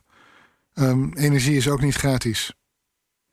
Je rijdt ook niet gratis in je auto. Je gaat ook niet naar het benzinestation en zeg jij, sorry jongens, we hebben geen, ik heb al mijn geld uitgegeven aan andere dingen. Maar ik moet wel auto rijden. Volgooien die, eh, die, die Maar dan heb je het dus over een verhoging die uitkomt op duizenden euro's per jaar per student. Ja, dan heb je het over een verdrie- of een vier, viervoudiging van het huidige collegegeld. Ja, dat is inderdaad. Maar zo serieus zijn die problemen ook. En dat moet de politiek dan maar proberen te verkopen. En dat is niet mijn taak. En daar voel ik me ook helemaal niet voor geroepen. Maar misschien is dit wel de makkelijke weg. Als het zo moeilijk is om het uh, linksom te krijgen. Met allerlei kleine aanpassingen. Ja. En dan maar carte blanche geven? Aan de universiteiten? Nou, denk ik dat geld? is überhaupt een goed idee om dat te doen. Ja. Maar die carte blanche zou ik alleen maar willen geven als de bestuurstructuur wel wordt veranderd. Dan zitten we bij het volgende punt. Dan zitten we bij het volgende punt. Laten we even vanuit gaan dat het geld er komt. We hebben het geld. Ja, we hebben het geld. We baden in luxe. Maar zelfs als dat er niet komt, dan moeten we toch ook tegelijkertijd, denk ik, inzetten op een een, toch wel een vrij fundamentele verandering aan de universiteit zelf. Democratisering. En daar hebben we geen geld voor nodig. Sterker nog, ik denk dat het op termijn geld gaat sparen. Want in een um, werkomgeving. Uh, waar je zelf de verantwoordelijkheid voor je werk draagt. en dus ook meer uh, zeggenschap hebt over wat je doet. word je minder snel ziek. Tenminste, als het om niet fysieke aandoeningen gaat. Je, hebt minder, je wordt minder snel moe, je kan meer aan. Je bent weerbaarder en je hebt minder. Die burn-out die komt niet zo snel op je af. Uh, als, als in een omgeving waar je het gevoel hebt dat je wordt geleefd. En dat denk ik kunnen we creëren. Het zal niet makkelijk zijn. Door die hiërarchische structuur echt af te breken en die af en toe feodale manier van leiding geven, waarin je gewoon, godverdrie, af en toe bang moet zijn um, in hoe je communiceert met, met, uh, uh, met een decaan of een, of een rector. Waarin, daar moet je echt vanaf. Maar als je het feodaal noemt, dan bedoel je dus, het is echt gewoon middeleeuws hoe het ja, op de universiteit er toe gaat nu. Ja, dat, dat is. Dat is uh, Jij kan het weten als medivist. Ik kan het. nee, ja, nee, dat is absoluut zo. Nee, um, dat is, het is ook zo. Het, is zo het, het, het, ironische is dat het niet altijd zo was. Goed, de, nou ja, goed een, hoogleraren zelf kunnen ook wel wat van hoor. Die veel ja. structuur in stand houden. Maar goed, democratisering ja, kan democratisering, Dus je krijgt meer zeggenschap over wat je zelf doet. Ja. Voor iedereen. En dat, dat betekent niet alleen de wetenschappers, maar betekent ook degene die ons werk mogelijk maken. Een studiecoördinator. Uh, een um, um, portier. Dus die dat, je moet toch echt elkaar meer vertrouwen. En dat betekent meer ruimte geven, meer zeggenschap. En dat betekent als er dingen zijn die er, af en toe, die er echt door wil hebben, dat dat af en toe niet zal kunnen, omdat mensen het niet accepteren of er geen draagvlak is. Nou, deal with it, zou ik zeggen. En dat is nu niet zo. Nu worden er dingen doorheen geduwd, ook al wil iedereen eigenlijk iets anders. En dan kan je je mond open trekken. En als je een hoogleraar bent, met een vaste aanstelling. En zeker als je een enige reputatie hebt, dan willen ze ook nog wel dingen door de vingers zien. Maar als je het niet hebt, dan moet je uitkijken wat je zegt. Dan ben je een lastpak. En voor jou tien anderen. En daar moeten we echt vanaf, denk ik. Dus democratisering moet er komen. We moeten af van de, de financiën, de manier waarop we worden gefinancierd. Dus dan gaat het niet eens om geld alleen. Maar dan gaat het om het feit dat er zoveel geld vastzit bij onze subsidieverstrekkers, NWO. Dat je alleen maar onderzoek kan doen eigenlijk als je daar een beurs hebt. Geef iedereen, elke onderzoeker, een, x, een, vast bedrag om onderzoek mee te doen. En dat kan je op het, op het vakgebied toespitsen, denk ik. Dat lijkt me heel verstandig. Sommige vakgebieden hebben gewoon meer geld nodig dan andere. En dan denk ik aan chemici bijvoorbeeld. En zo'n laboratorium lijkt me niet goedkoop. Um, maar wel, je moet gewoon genoeg hebben om fundamenteel je, je onderzoek altijd te kunnen doen. Wil je meer? Wil je met meer mensen doen? Wil je met buitenlandse universiteiten en partners doen of wat dan ook? Dan stap je naar een uh, andere organisatie. Toen zeg ik, ik heb een goed idee, ik wil hier graag geld voor. Uh, maar eigenlijk zou je gewoon altijd onderzoek moeten kunnen doen ja. van geld dat er is. En dan heb je het niet over heel veel geld per wetenschapper. Ik zal geholpen zijn met een paar duizend euro per jaar. Daar hebben we het echt over. Nou ja, jij doet nu onderzoeken waarbij je gesubsidieerd wordt of gesponsord wordt. Werkt. Ja, ik heb nu niks meer op dit moment. Het is allemaal afgelopen. Um, dat is zo en dat, is, um, dat kost heel veel tijd om, dat, om die, die aanvragen te doen omdat er is zoveel concurrentie nu. Dat um, zelfs de, de beurzen waar je wat meer subsidies, waar je een hogere kans hebt, dan heb je nog steeds 10% kans. En dat is ontzettende verspilling van geld.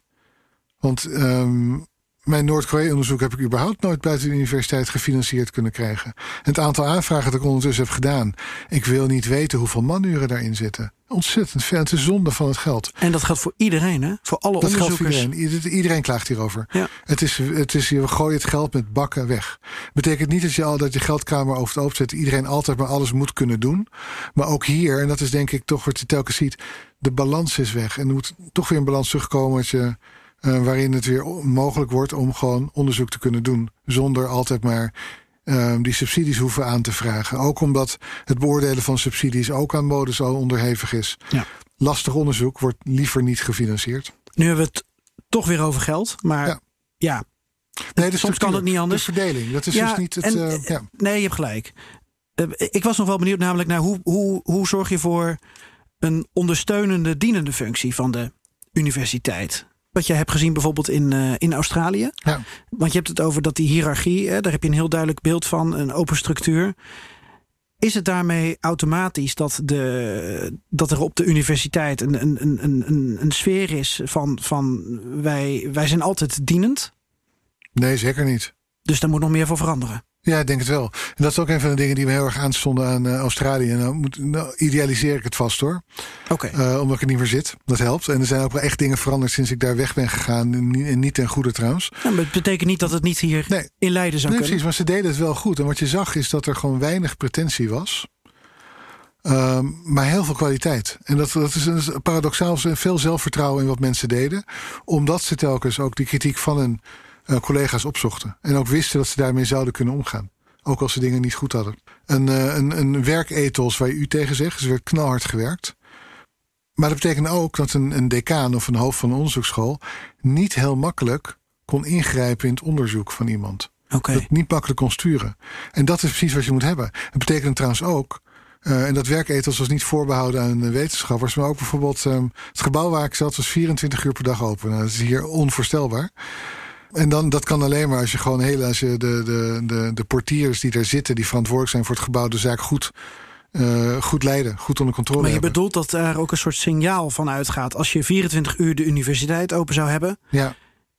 Dat is een plek waar je altijd terecht kan dat ook, voor ja. het vergaren van je kennis. Nee, absoluut, dat ook. Maar wat het ook zo was, is dat uh, de trots die een uh, um, portier had in zijn functie daar dat stond wel even van te kijken. Dat het gewoon echt um, een, een, eer had um, in zijn of haar werk.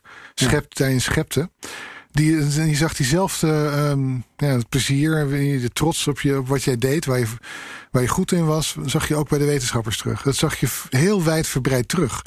Bij de wetenschappelijke staf, uh, bij de niet-weten, de ondersteunende staf. En dat kan denk ik alleen in een, een open. en dat betekent dat je, je bent veel meer bereid, denk ik, om te luisteren naar anderen, omdat je gewoon veel steviger met je beide benen op de grond staat. Um, omdat je ook niet noodzakelijk beter voelt dan anderen, maar wel heel veel zelfvertrouwen hebt in waarin jij goed bent. En dat kan alleen in een open structuur. Ja. Waarin um, die hiërarchie, natuurlijk is er een hiërarchie, als daar inderdaad op een gegeven moment de baas zei: dit gebeurt. Ja, dan is de kans groot dat het zou gebeuren. Maar voordat, je, voordat inderdaad degene die aan de top staat zegt: dit gebeurt, moest je toch echt wel de consensus verzamelen van de mensen die er allemaal mee te maken hadden. Um, en dat is een structuur die graag, die we volgens mij op een bepaalde manier ook wel hebben gehad in het verleden. Toen was de macht toch wel te veel bij de, bij de hoogleraar, die altijd blank en, en wit en mannelijk was. Mm -hmm. Dat is ondertussen aan het veranderen. Uh, maar mm, dat zoeken van een consensus, dat zie ik heel graag terug. En dat zou ik ook in bredere zin ook weer graag met het ministerie terugzien. Zodat we niet de ene oekase naar de andere krijgen... en dat we gewoon een hele beleidsafdeling nodig hebben... om eigenlijk ons te beschermen tegen wat het ministerie allemaal wil. Klinkt wel als haalbaar. Ik denk ook dat het haalbaar is. Ik denk dat het lang zal duren. Dat er echt fundamentele veranderingen moeten worden gemaakt. Maar ik denk niet dat ik. Uh, ik denk niet, wij moet ik zeggen. Ik denk niet dat wij om het onmogelijke vragen. Ik denk dat het echt kan. Ik denk ook dat iedereen er beter van wordt. En dat het uiteindelijk per saldo minder geld gaat kosten als je het op deze manier doet. Dan dat als je het niet doet. Heb je dit allemaal op een bierveeltje wel eens uitgerekend? Uh, dat kan ik volgens mij niet. dat heb je wel eens geprobeerd, maar nee, ik, ik raakte allemaal in de war van al die nullen. Nee, dat, uh, dat, dat moet je echt laten doorrekenen. Mensen die, die gewoon echt um, hier, hier verstand van hebben. En dat ben ik echt niet. Ik zou willen dat ik het, dat ik, dat ik het uh, wel had. Um, zou er toch iemand moeten nou ja, zijn die dat. zit die expertise natuurlijk in, in, in, ja. in overschot. Maar het ministerie is er niet voor utopische universiteiten? Zou het wel moeten zijn, denk ik. ik denk, kijk, ik, een utopie is een utopie, zal je nooit bereiken, maar die weg daar naartoe. Ja, daar, dat is natuurlijk waar je naartoe wil, dat je steeds dichterbij komt. Ja. Um, het is een, een, een werk in wording, dat zal het altijd zijn. Maar ja, het, het, voordeel, waar we, waar, het punt waar we nu zitten, is dat er gewoon echt heel veel beter kan. En dat het sommige dingen zijn, zijn denk ik zo te verwezenlijken. Ja. Met een, uh, met een beetje lef van bestuurders kan je inderdaad zeggen... nou, morgen veranderen we inderdaad die inspraakstructuur. En ook al staat er, staat het, kan de decaan of de, rector of de collegevoorzitter... voor de, volgens de wet allemaal deze beslissingen nemen... zonder daar uh, eerst een consensus voor te hebben gezocht... We doen het gewoon niet. We spreken af dat we het op een andere manier... Het kan allemaal. Er is lef voor nodig en het zal ook even wennen zijn... want opeens ben je een deel van je macht kwijt. Dat is ontzettend lastig, denk ik.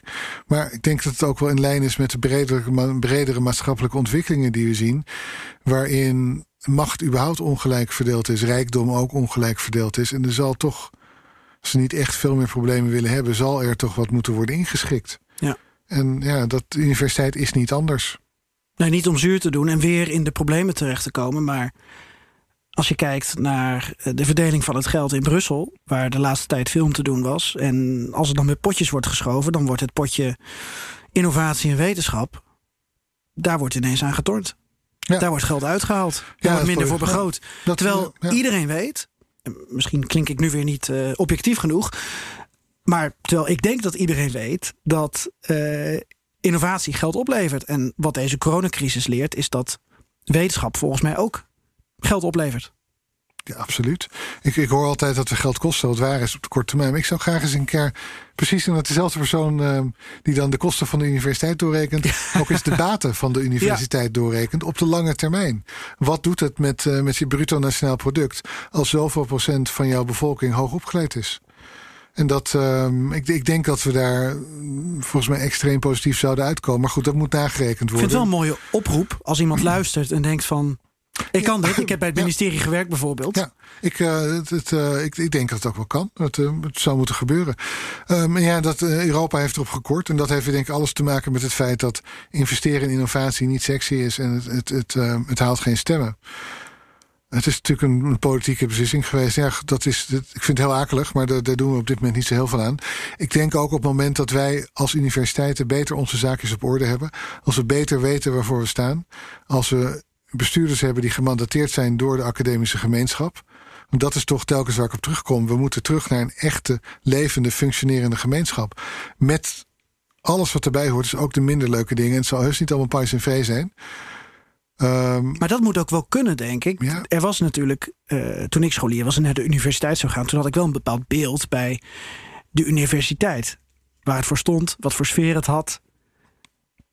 En ik denk dat je daar ook op doelt. Dat, dat het weer een bepaalde sfeer uitstraalt. Uh, waar mensen zich prettig voelen. Waarvan ze denken van ja, hier wil ik bij horen. Ja, nee, precies. De, de 21ste eeuwse versie van um, wat een universiteit ooit was. Want dat is denk ik wel, moet je als universiteit ook wel rekenschap van geven. We zijn natuurlijk altijd op de verkeerde manier elitair geweest. Um, en niet inclusief.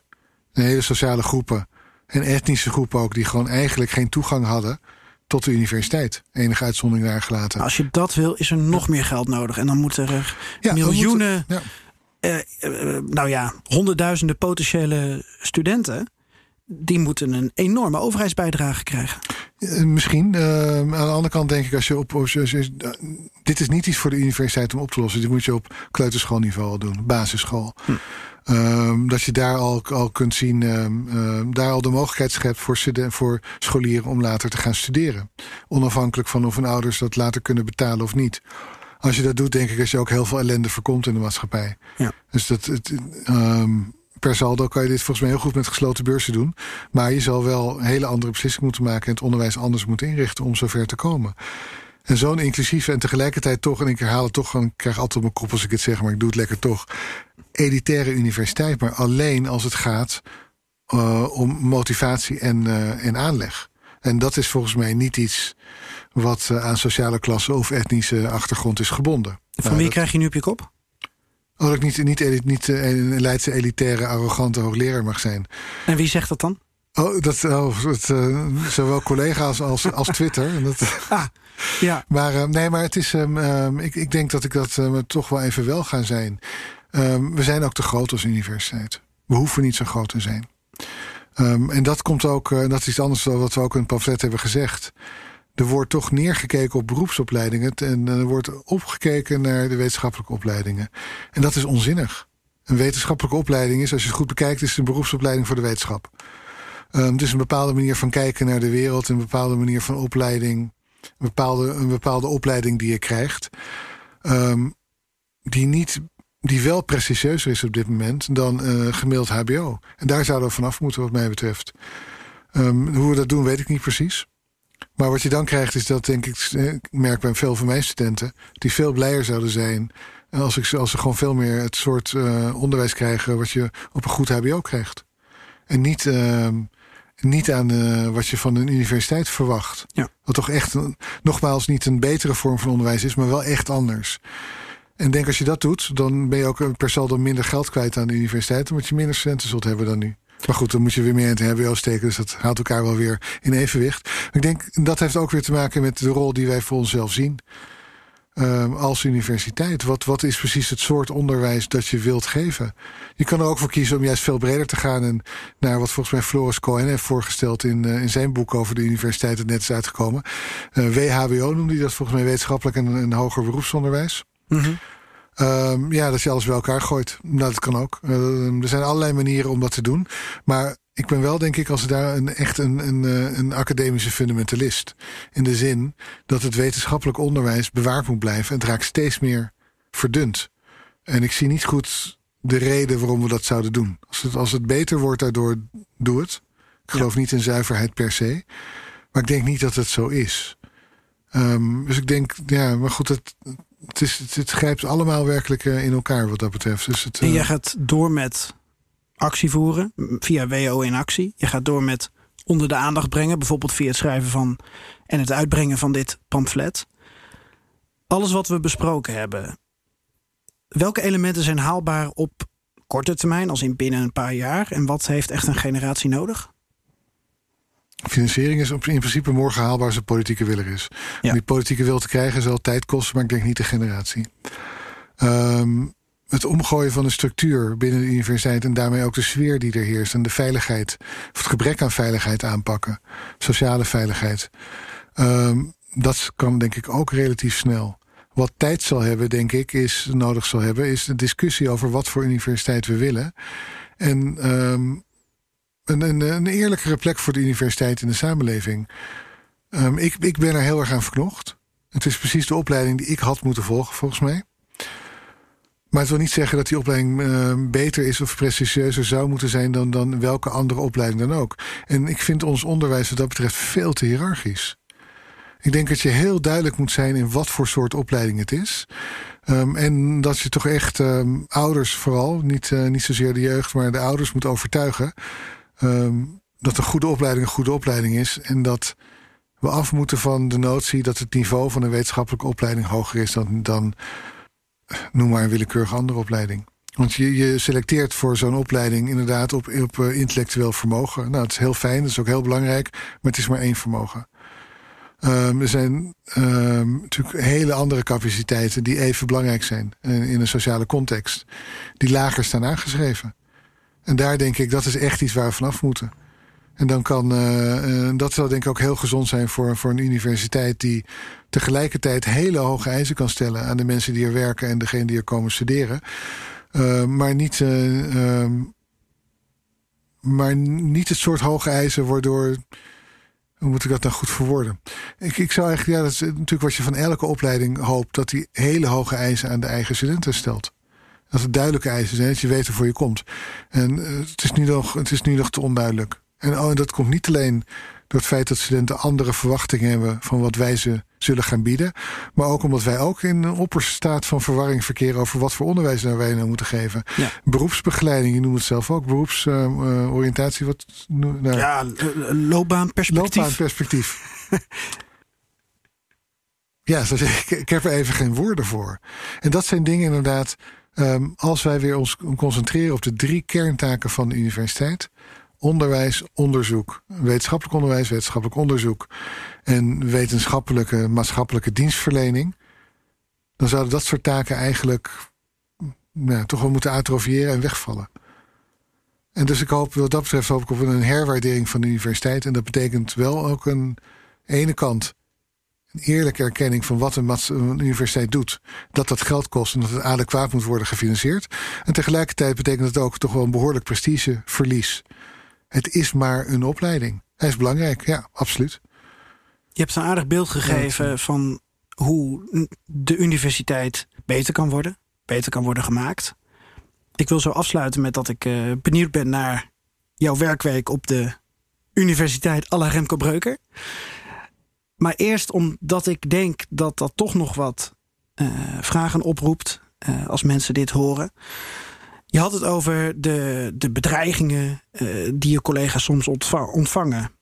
Dat ze soms bewaakt moeten worden. Dat er advocaten aan te pas moeten komen om teksten te redigeren. niet te redigeren, door te lopen. Ik zit me daar toch van af te vragen. Um, wat moeten we daarmee? dat willen we natuurlijk niet. op, op geen enkele universiteit, of die nou utopisch is of, of niet.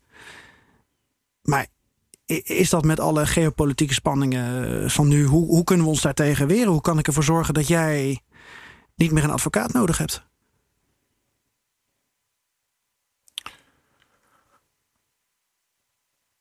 Ja. Klinkt alsof je die vraag nooit hebt gehad. Terwijl ik dacht van, het is best wel een logische vraag. Nee. Want het hoort niet. Ja, het is een hele logische vraag. Ik heb het inderdaad nooit gehad. Um, ik krijg meestal net verwondering hierover. En soms ook wordt gewoon genegeerd. Ik heb dit um, zo verteld bij een, eh, een hoorzitting een vaste Kamercommissie voor Onderwijs in, van de Tweede Kamer. Maar is toch vrij makkelijk aan voorbij gegaan. Um, en, nou, dat is heel problematisch. En dat, dat heeft heel veel te maken met het feit dat. Um, aan de ene kant is het onduidelijkheid over de rol van de academicus. Wat, wat we wel en wat we niet moeten doen. Wat voor onderzoek. Welke consequenties heeft. En hoe wij er dan tegen beschermd zouden kunnen worden. En daar heb ik geen kant-en-klare oplossing voor. Voor een deel, sommig onderzoek, dat zal zo altijd zo ongemakkelijk zijn. dat je daar gewoon ad hoc mee zult moeten omgaan. Um, ik denk in, in de algemene zin, denk ik um, dat zeker uh, mensen met een voorbeeldfunctie. En dat geldt niet alleen voor, voor de wetenschap, maar het geldt ook voor de rechtelijke macht. Waar rechters op het matje worden geroepen, lijkt het wel door politici. Dat kan natuurlijk niet. Uh, bij rechters is het natuurlijk nog, rechtelijke macht is natuurlijk nog veel gekker. Want als jij een wet niet in orde vindt, dan, ja, als politicus ben je notabene als een van de weinige Nederlanders in staat om er wat aan te doen. Ja. Maar ook in de wetenschap, ik denk, um, in principe vertellen we iets waar we het niet noodzakelijk zelf mee eens hoeven te zijn. Ik, mijn, mijn eigen Noord-Korea-onderzoek is daar echt wel een voorbeeld van. Ik, ik, begon als iemand die heel erg geloofde in het uitreiken van een hand. Het reiken van de hand aan Noord-Korea. Aan praten. En maar even niet over mensenrechten hebben. Um, eigen onderzoek heeft uitgewezen hoe structureel die mensenrechten schendingen zijn. Om het regime in stand te houden en al iets meer zijn. Ik ben echt, um, doordat ik niet anders kon, door dat te concluderen, zelf ook politiek eigenlijk van, van mening uh, veranderd. En ik denk nu dat het helemaal geen zin heeft dat we heel anders met Noord-Korea moeten omgaan. Maar ja, het, het is wel tot op zekere hoogte. Het is wat ik heb gezegd, of je het mee eens bent of niet. Het is controleerbaar, het is verifieerbaar, het is gebaseerd op bronnen. Ja. Uh, objectief zou ik niet zeggen, wel transparant. En dat zal gerespecteerd moeten worden. En dan heb je een maatschappelijke omslag nodig. Want de bagger die je over je heen krijgt als uh, wetenschapper in het publieke debat op het moment dat je um, conclusies niet goed vallen, is echt ja, behoorlijk. Kijk naar klimaatwetenschappers. Kijk naar wetenschappers die zich bezighouden met integratie, migratie, met islam. Um, debat. Die wetenschappers hebben ook allemaal, voor zover je dat weet, hè, want je weet niet alles, een advocaat nodig. Weet ik niet. Nee, het hangt... Kijk, ehm, de advocaat die we nodig hadden... is niet omdat ik bang was voor een publieke reactie... maar het feit dat we een, uh, een proces onder broek konden ja, krijgen. Precies. Ja, precies. Ja. Maar goed, dat, het valt ja. allemaal binnen het veilige, fijne werkklimaat... Ja. dat je wil creëren. Ja, het is heel lastig. Aan de ene kant denk ik... je bent als wetenschapper... in eerste instantie ben je verplicht... om goede wetenschap te bedrijven. Kan je fouten maken... maar het moet wel goed zijn. Zeker als je uh, mensen en namen en bedrijven noemt... dan moet je gewoon donders goed weten wat je doet... Um, maar dat gezegd hebben en dat ik mijn werk moet laten nakijken soms door, uh, of, uh, als het om dit soort zaken gaat, uitbuiting van Noord-Koreanen in de EU bijvoorbeeld, of, textielproductie um, door Noord-Koreanen. Ja, dan dat, sta ik wel met mijn wenkbrauw te fronsen. Ook omdat het geld kost dat ik niet heb. Volgende onderzoek zal niet door een advocaat kunnen worden nagekeken. Ik heb geen geld meer. Mijn budgetten zijn nul. Ja, wat doe ik dan? Het niet publiceren? Uh, ja. Niet echt een optie. Je had het dus, ook over bewaking trouwens. Ja, niet voor mij. Nee, nee. Ja. Niet voor jou? Nee, ja, nee um, Noord-Korea heeft me op een gegeven moment wel uh, bedreigd. Uh, met drie aanklachten waar de doodstraf op staat. Maar dat is in Nederland zit je vrij veilig wat dat betreft. Um, nee, maar er zijn, er zijn inderdaad... Um, oh ja, je, gaat er, je praat er zo overheen, maar het is toch niet normaal dat dat met nee, academisch is, nee, gebeurd? Het, het, is, het is ook niet normaal. Het is ook van de gekken werkelijk. Maar goed, het is Noord-Korea en dan doen we er niet heel serieus over. Over het algemeen. En ik moet ook eerlijk zeggen, de, de inschatting van die dreiging is, is wat mij betreft is toen laag geweest. En ik denk dat het een, een juiste risicoanalyse is geweest. De kans dat Noord-Korea inderdaad iemand opdracht geeft om die vervelende breuken uit de weg te ruimen, die is niet heel groot. Um, en er zijn andere collega's die gewoon met een, met een veel concretere dreiging leven. Er zijn collega's die zijn aangevallen, werkelijk ook. ook um, en soms gebeurt dat omdat mensen niet helemaal in orde zijn en, en iets anders zien, psychotisch zijn of wat dan ook. Ja.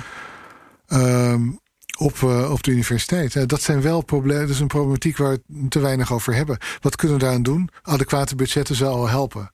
Uh, maar ik denk uiteindelijk, je hebt altijd gekken waar je tegen zult moeten beschermen, maar dat is natuurlijk niet het structurele probleem. Het structurele probleem um, is dat het ook wel bon ton is om op de verkeerde manier wetenschappers um, aan te vallen. Geef vooral kritiek. En het hoeft niet ook altijd wetenschappelijk te zijn, maar probeer het redelijk te houden. En dat is iets wat, wat ja, we leven in een gepolariseerde tijd blijkbaar. Dus ik heb daar niet hele makkelijke oplossingen voor. Nee, maar anders verlaten ze de wetenschap. Als ze echt kapot Klopt. bedreigd worden. Ja, nee, en hun dat, uh, families. Ja. ja. Nee, dat zal ongetwijfeld gebeuren. Gebeurt dat ook in Nederland? Weet ik niet. Dat zover gaat? Nee, ik weet, ik weet heel veel collega's die er inderdaad er genoeg van hebben. Maar het, het heeft niks met, niet met persoonlijke bedreigingen te okay. maken. Ja. Ik kan me wel goed voorstellen dat je, dat je wel op een gegeven moment denkt... ik heb hier genoeg van dan. Ja. Want het heeft toch wel inbreuk. Uh, ik, ik, ik, werk natuurlijk met, ik werk veel met Noord-Koreaanse vluchtelingen. Um, en ook veel mensen die heel prominent zijn geweest in Noord-Korea. Die dus op de radar staan van het Noord-Koreaanse regime. Ja, dat zijn mensen die altijd bescherming om zich heen hebben. En die daar ook. Waar, ja, ze hebben het nodig omdat anders de kans dat ze echt worden omgelegd te groot is, te hoog is. Maar die hebben het, is, het is een ontzettend inbreuk op je, op je privacy, op je ja. leven, op je levensplezier. Dat is niet iets wat je iemand toewenst. Ja. En dat is natuurlijk hier wel vrij uitzonderlijk dat het gebeurt, maar het feit dat het gebeurt. Um, maar ik wil zeggen, het was 30 jaar geleden niet zo, maar het is niet zo. Want je had natuurlijk de affaire Buikhuizen. Waarin uh, iemand die achteraf gelijk heeft gekregen... zo uh, weggepest en bedreigd is dat de universiteit hem heeft ontslagen... en hij naar het buitenland heeft moeten vluchten. Dus het, het is niet, niet alleen van de laatste tijd.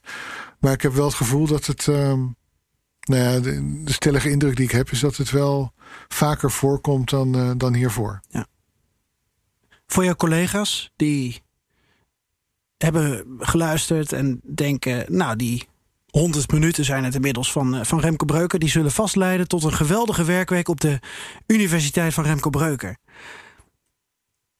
Stel, we mogen weer allemaal fysiek naar de universiteit.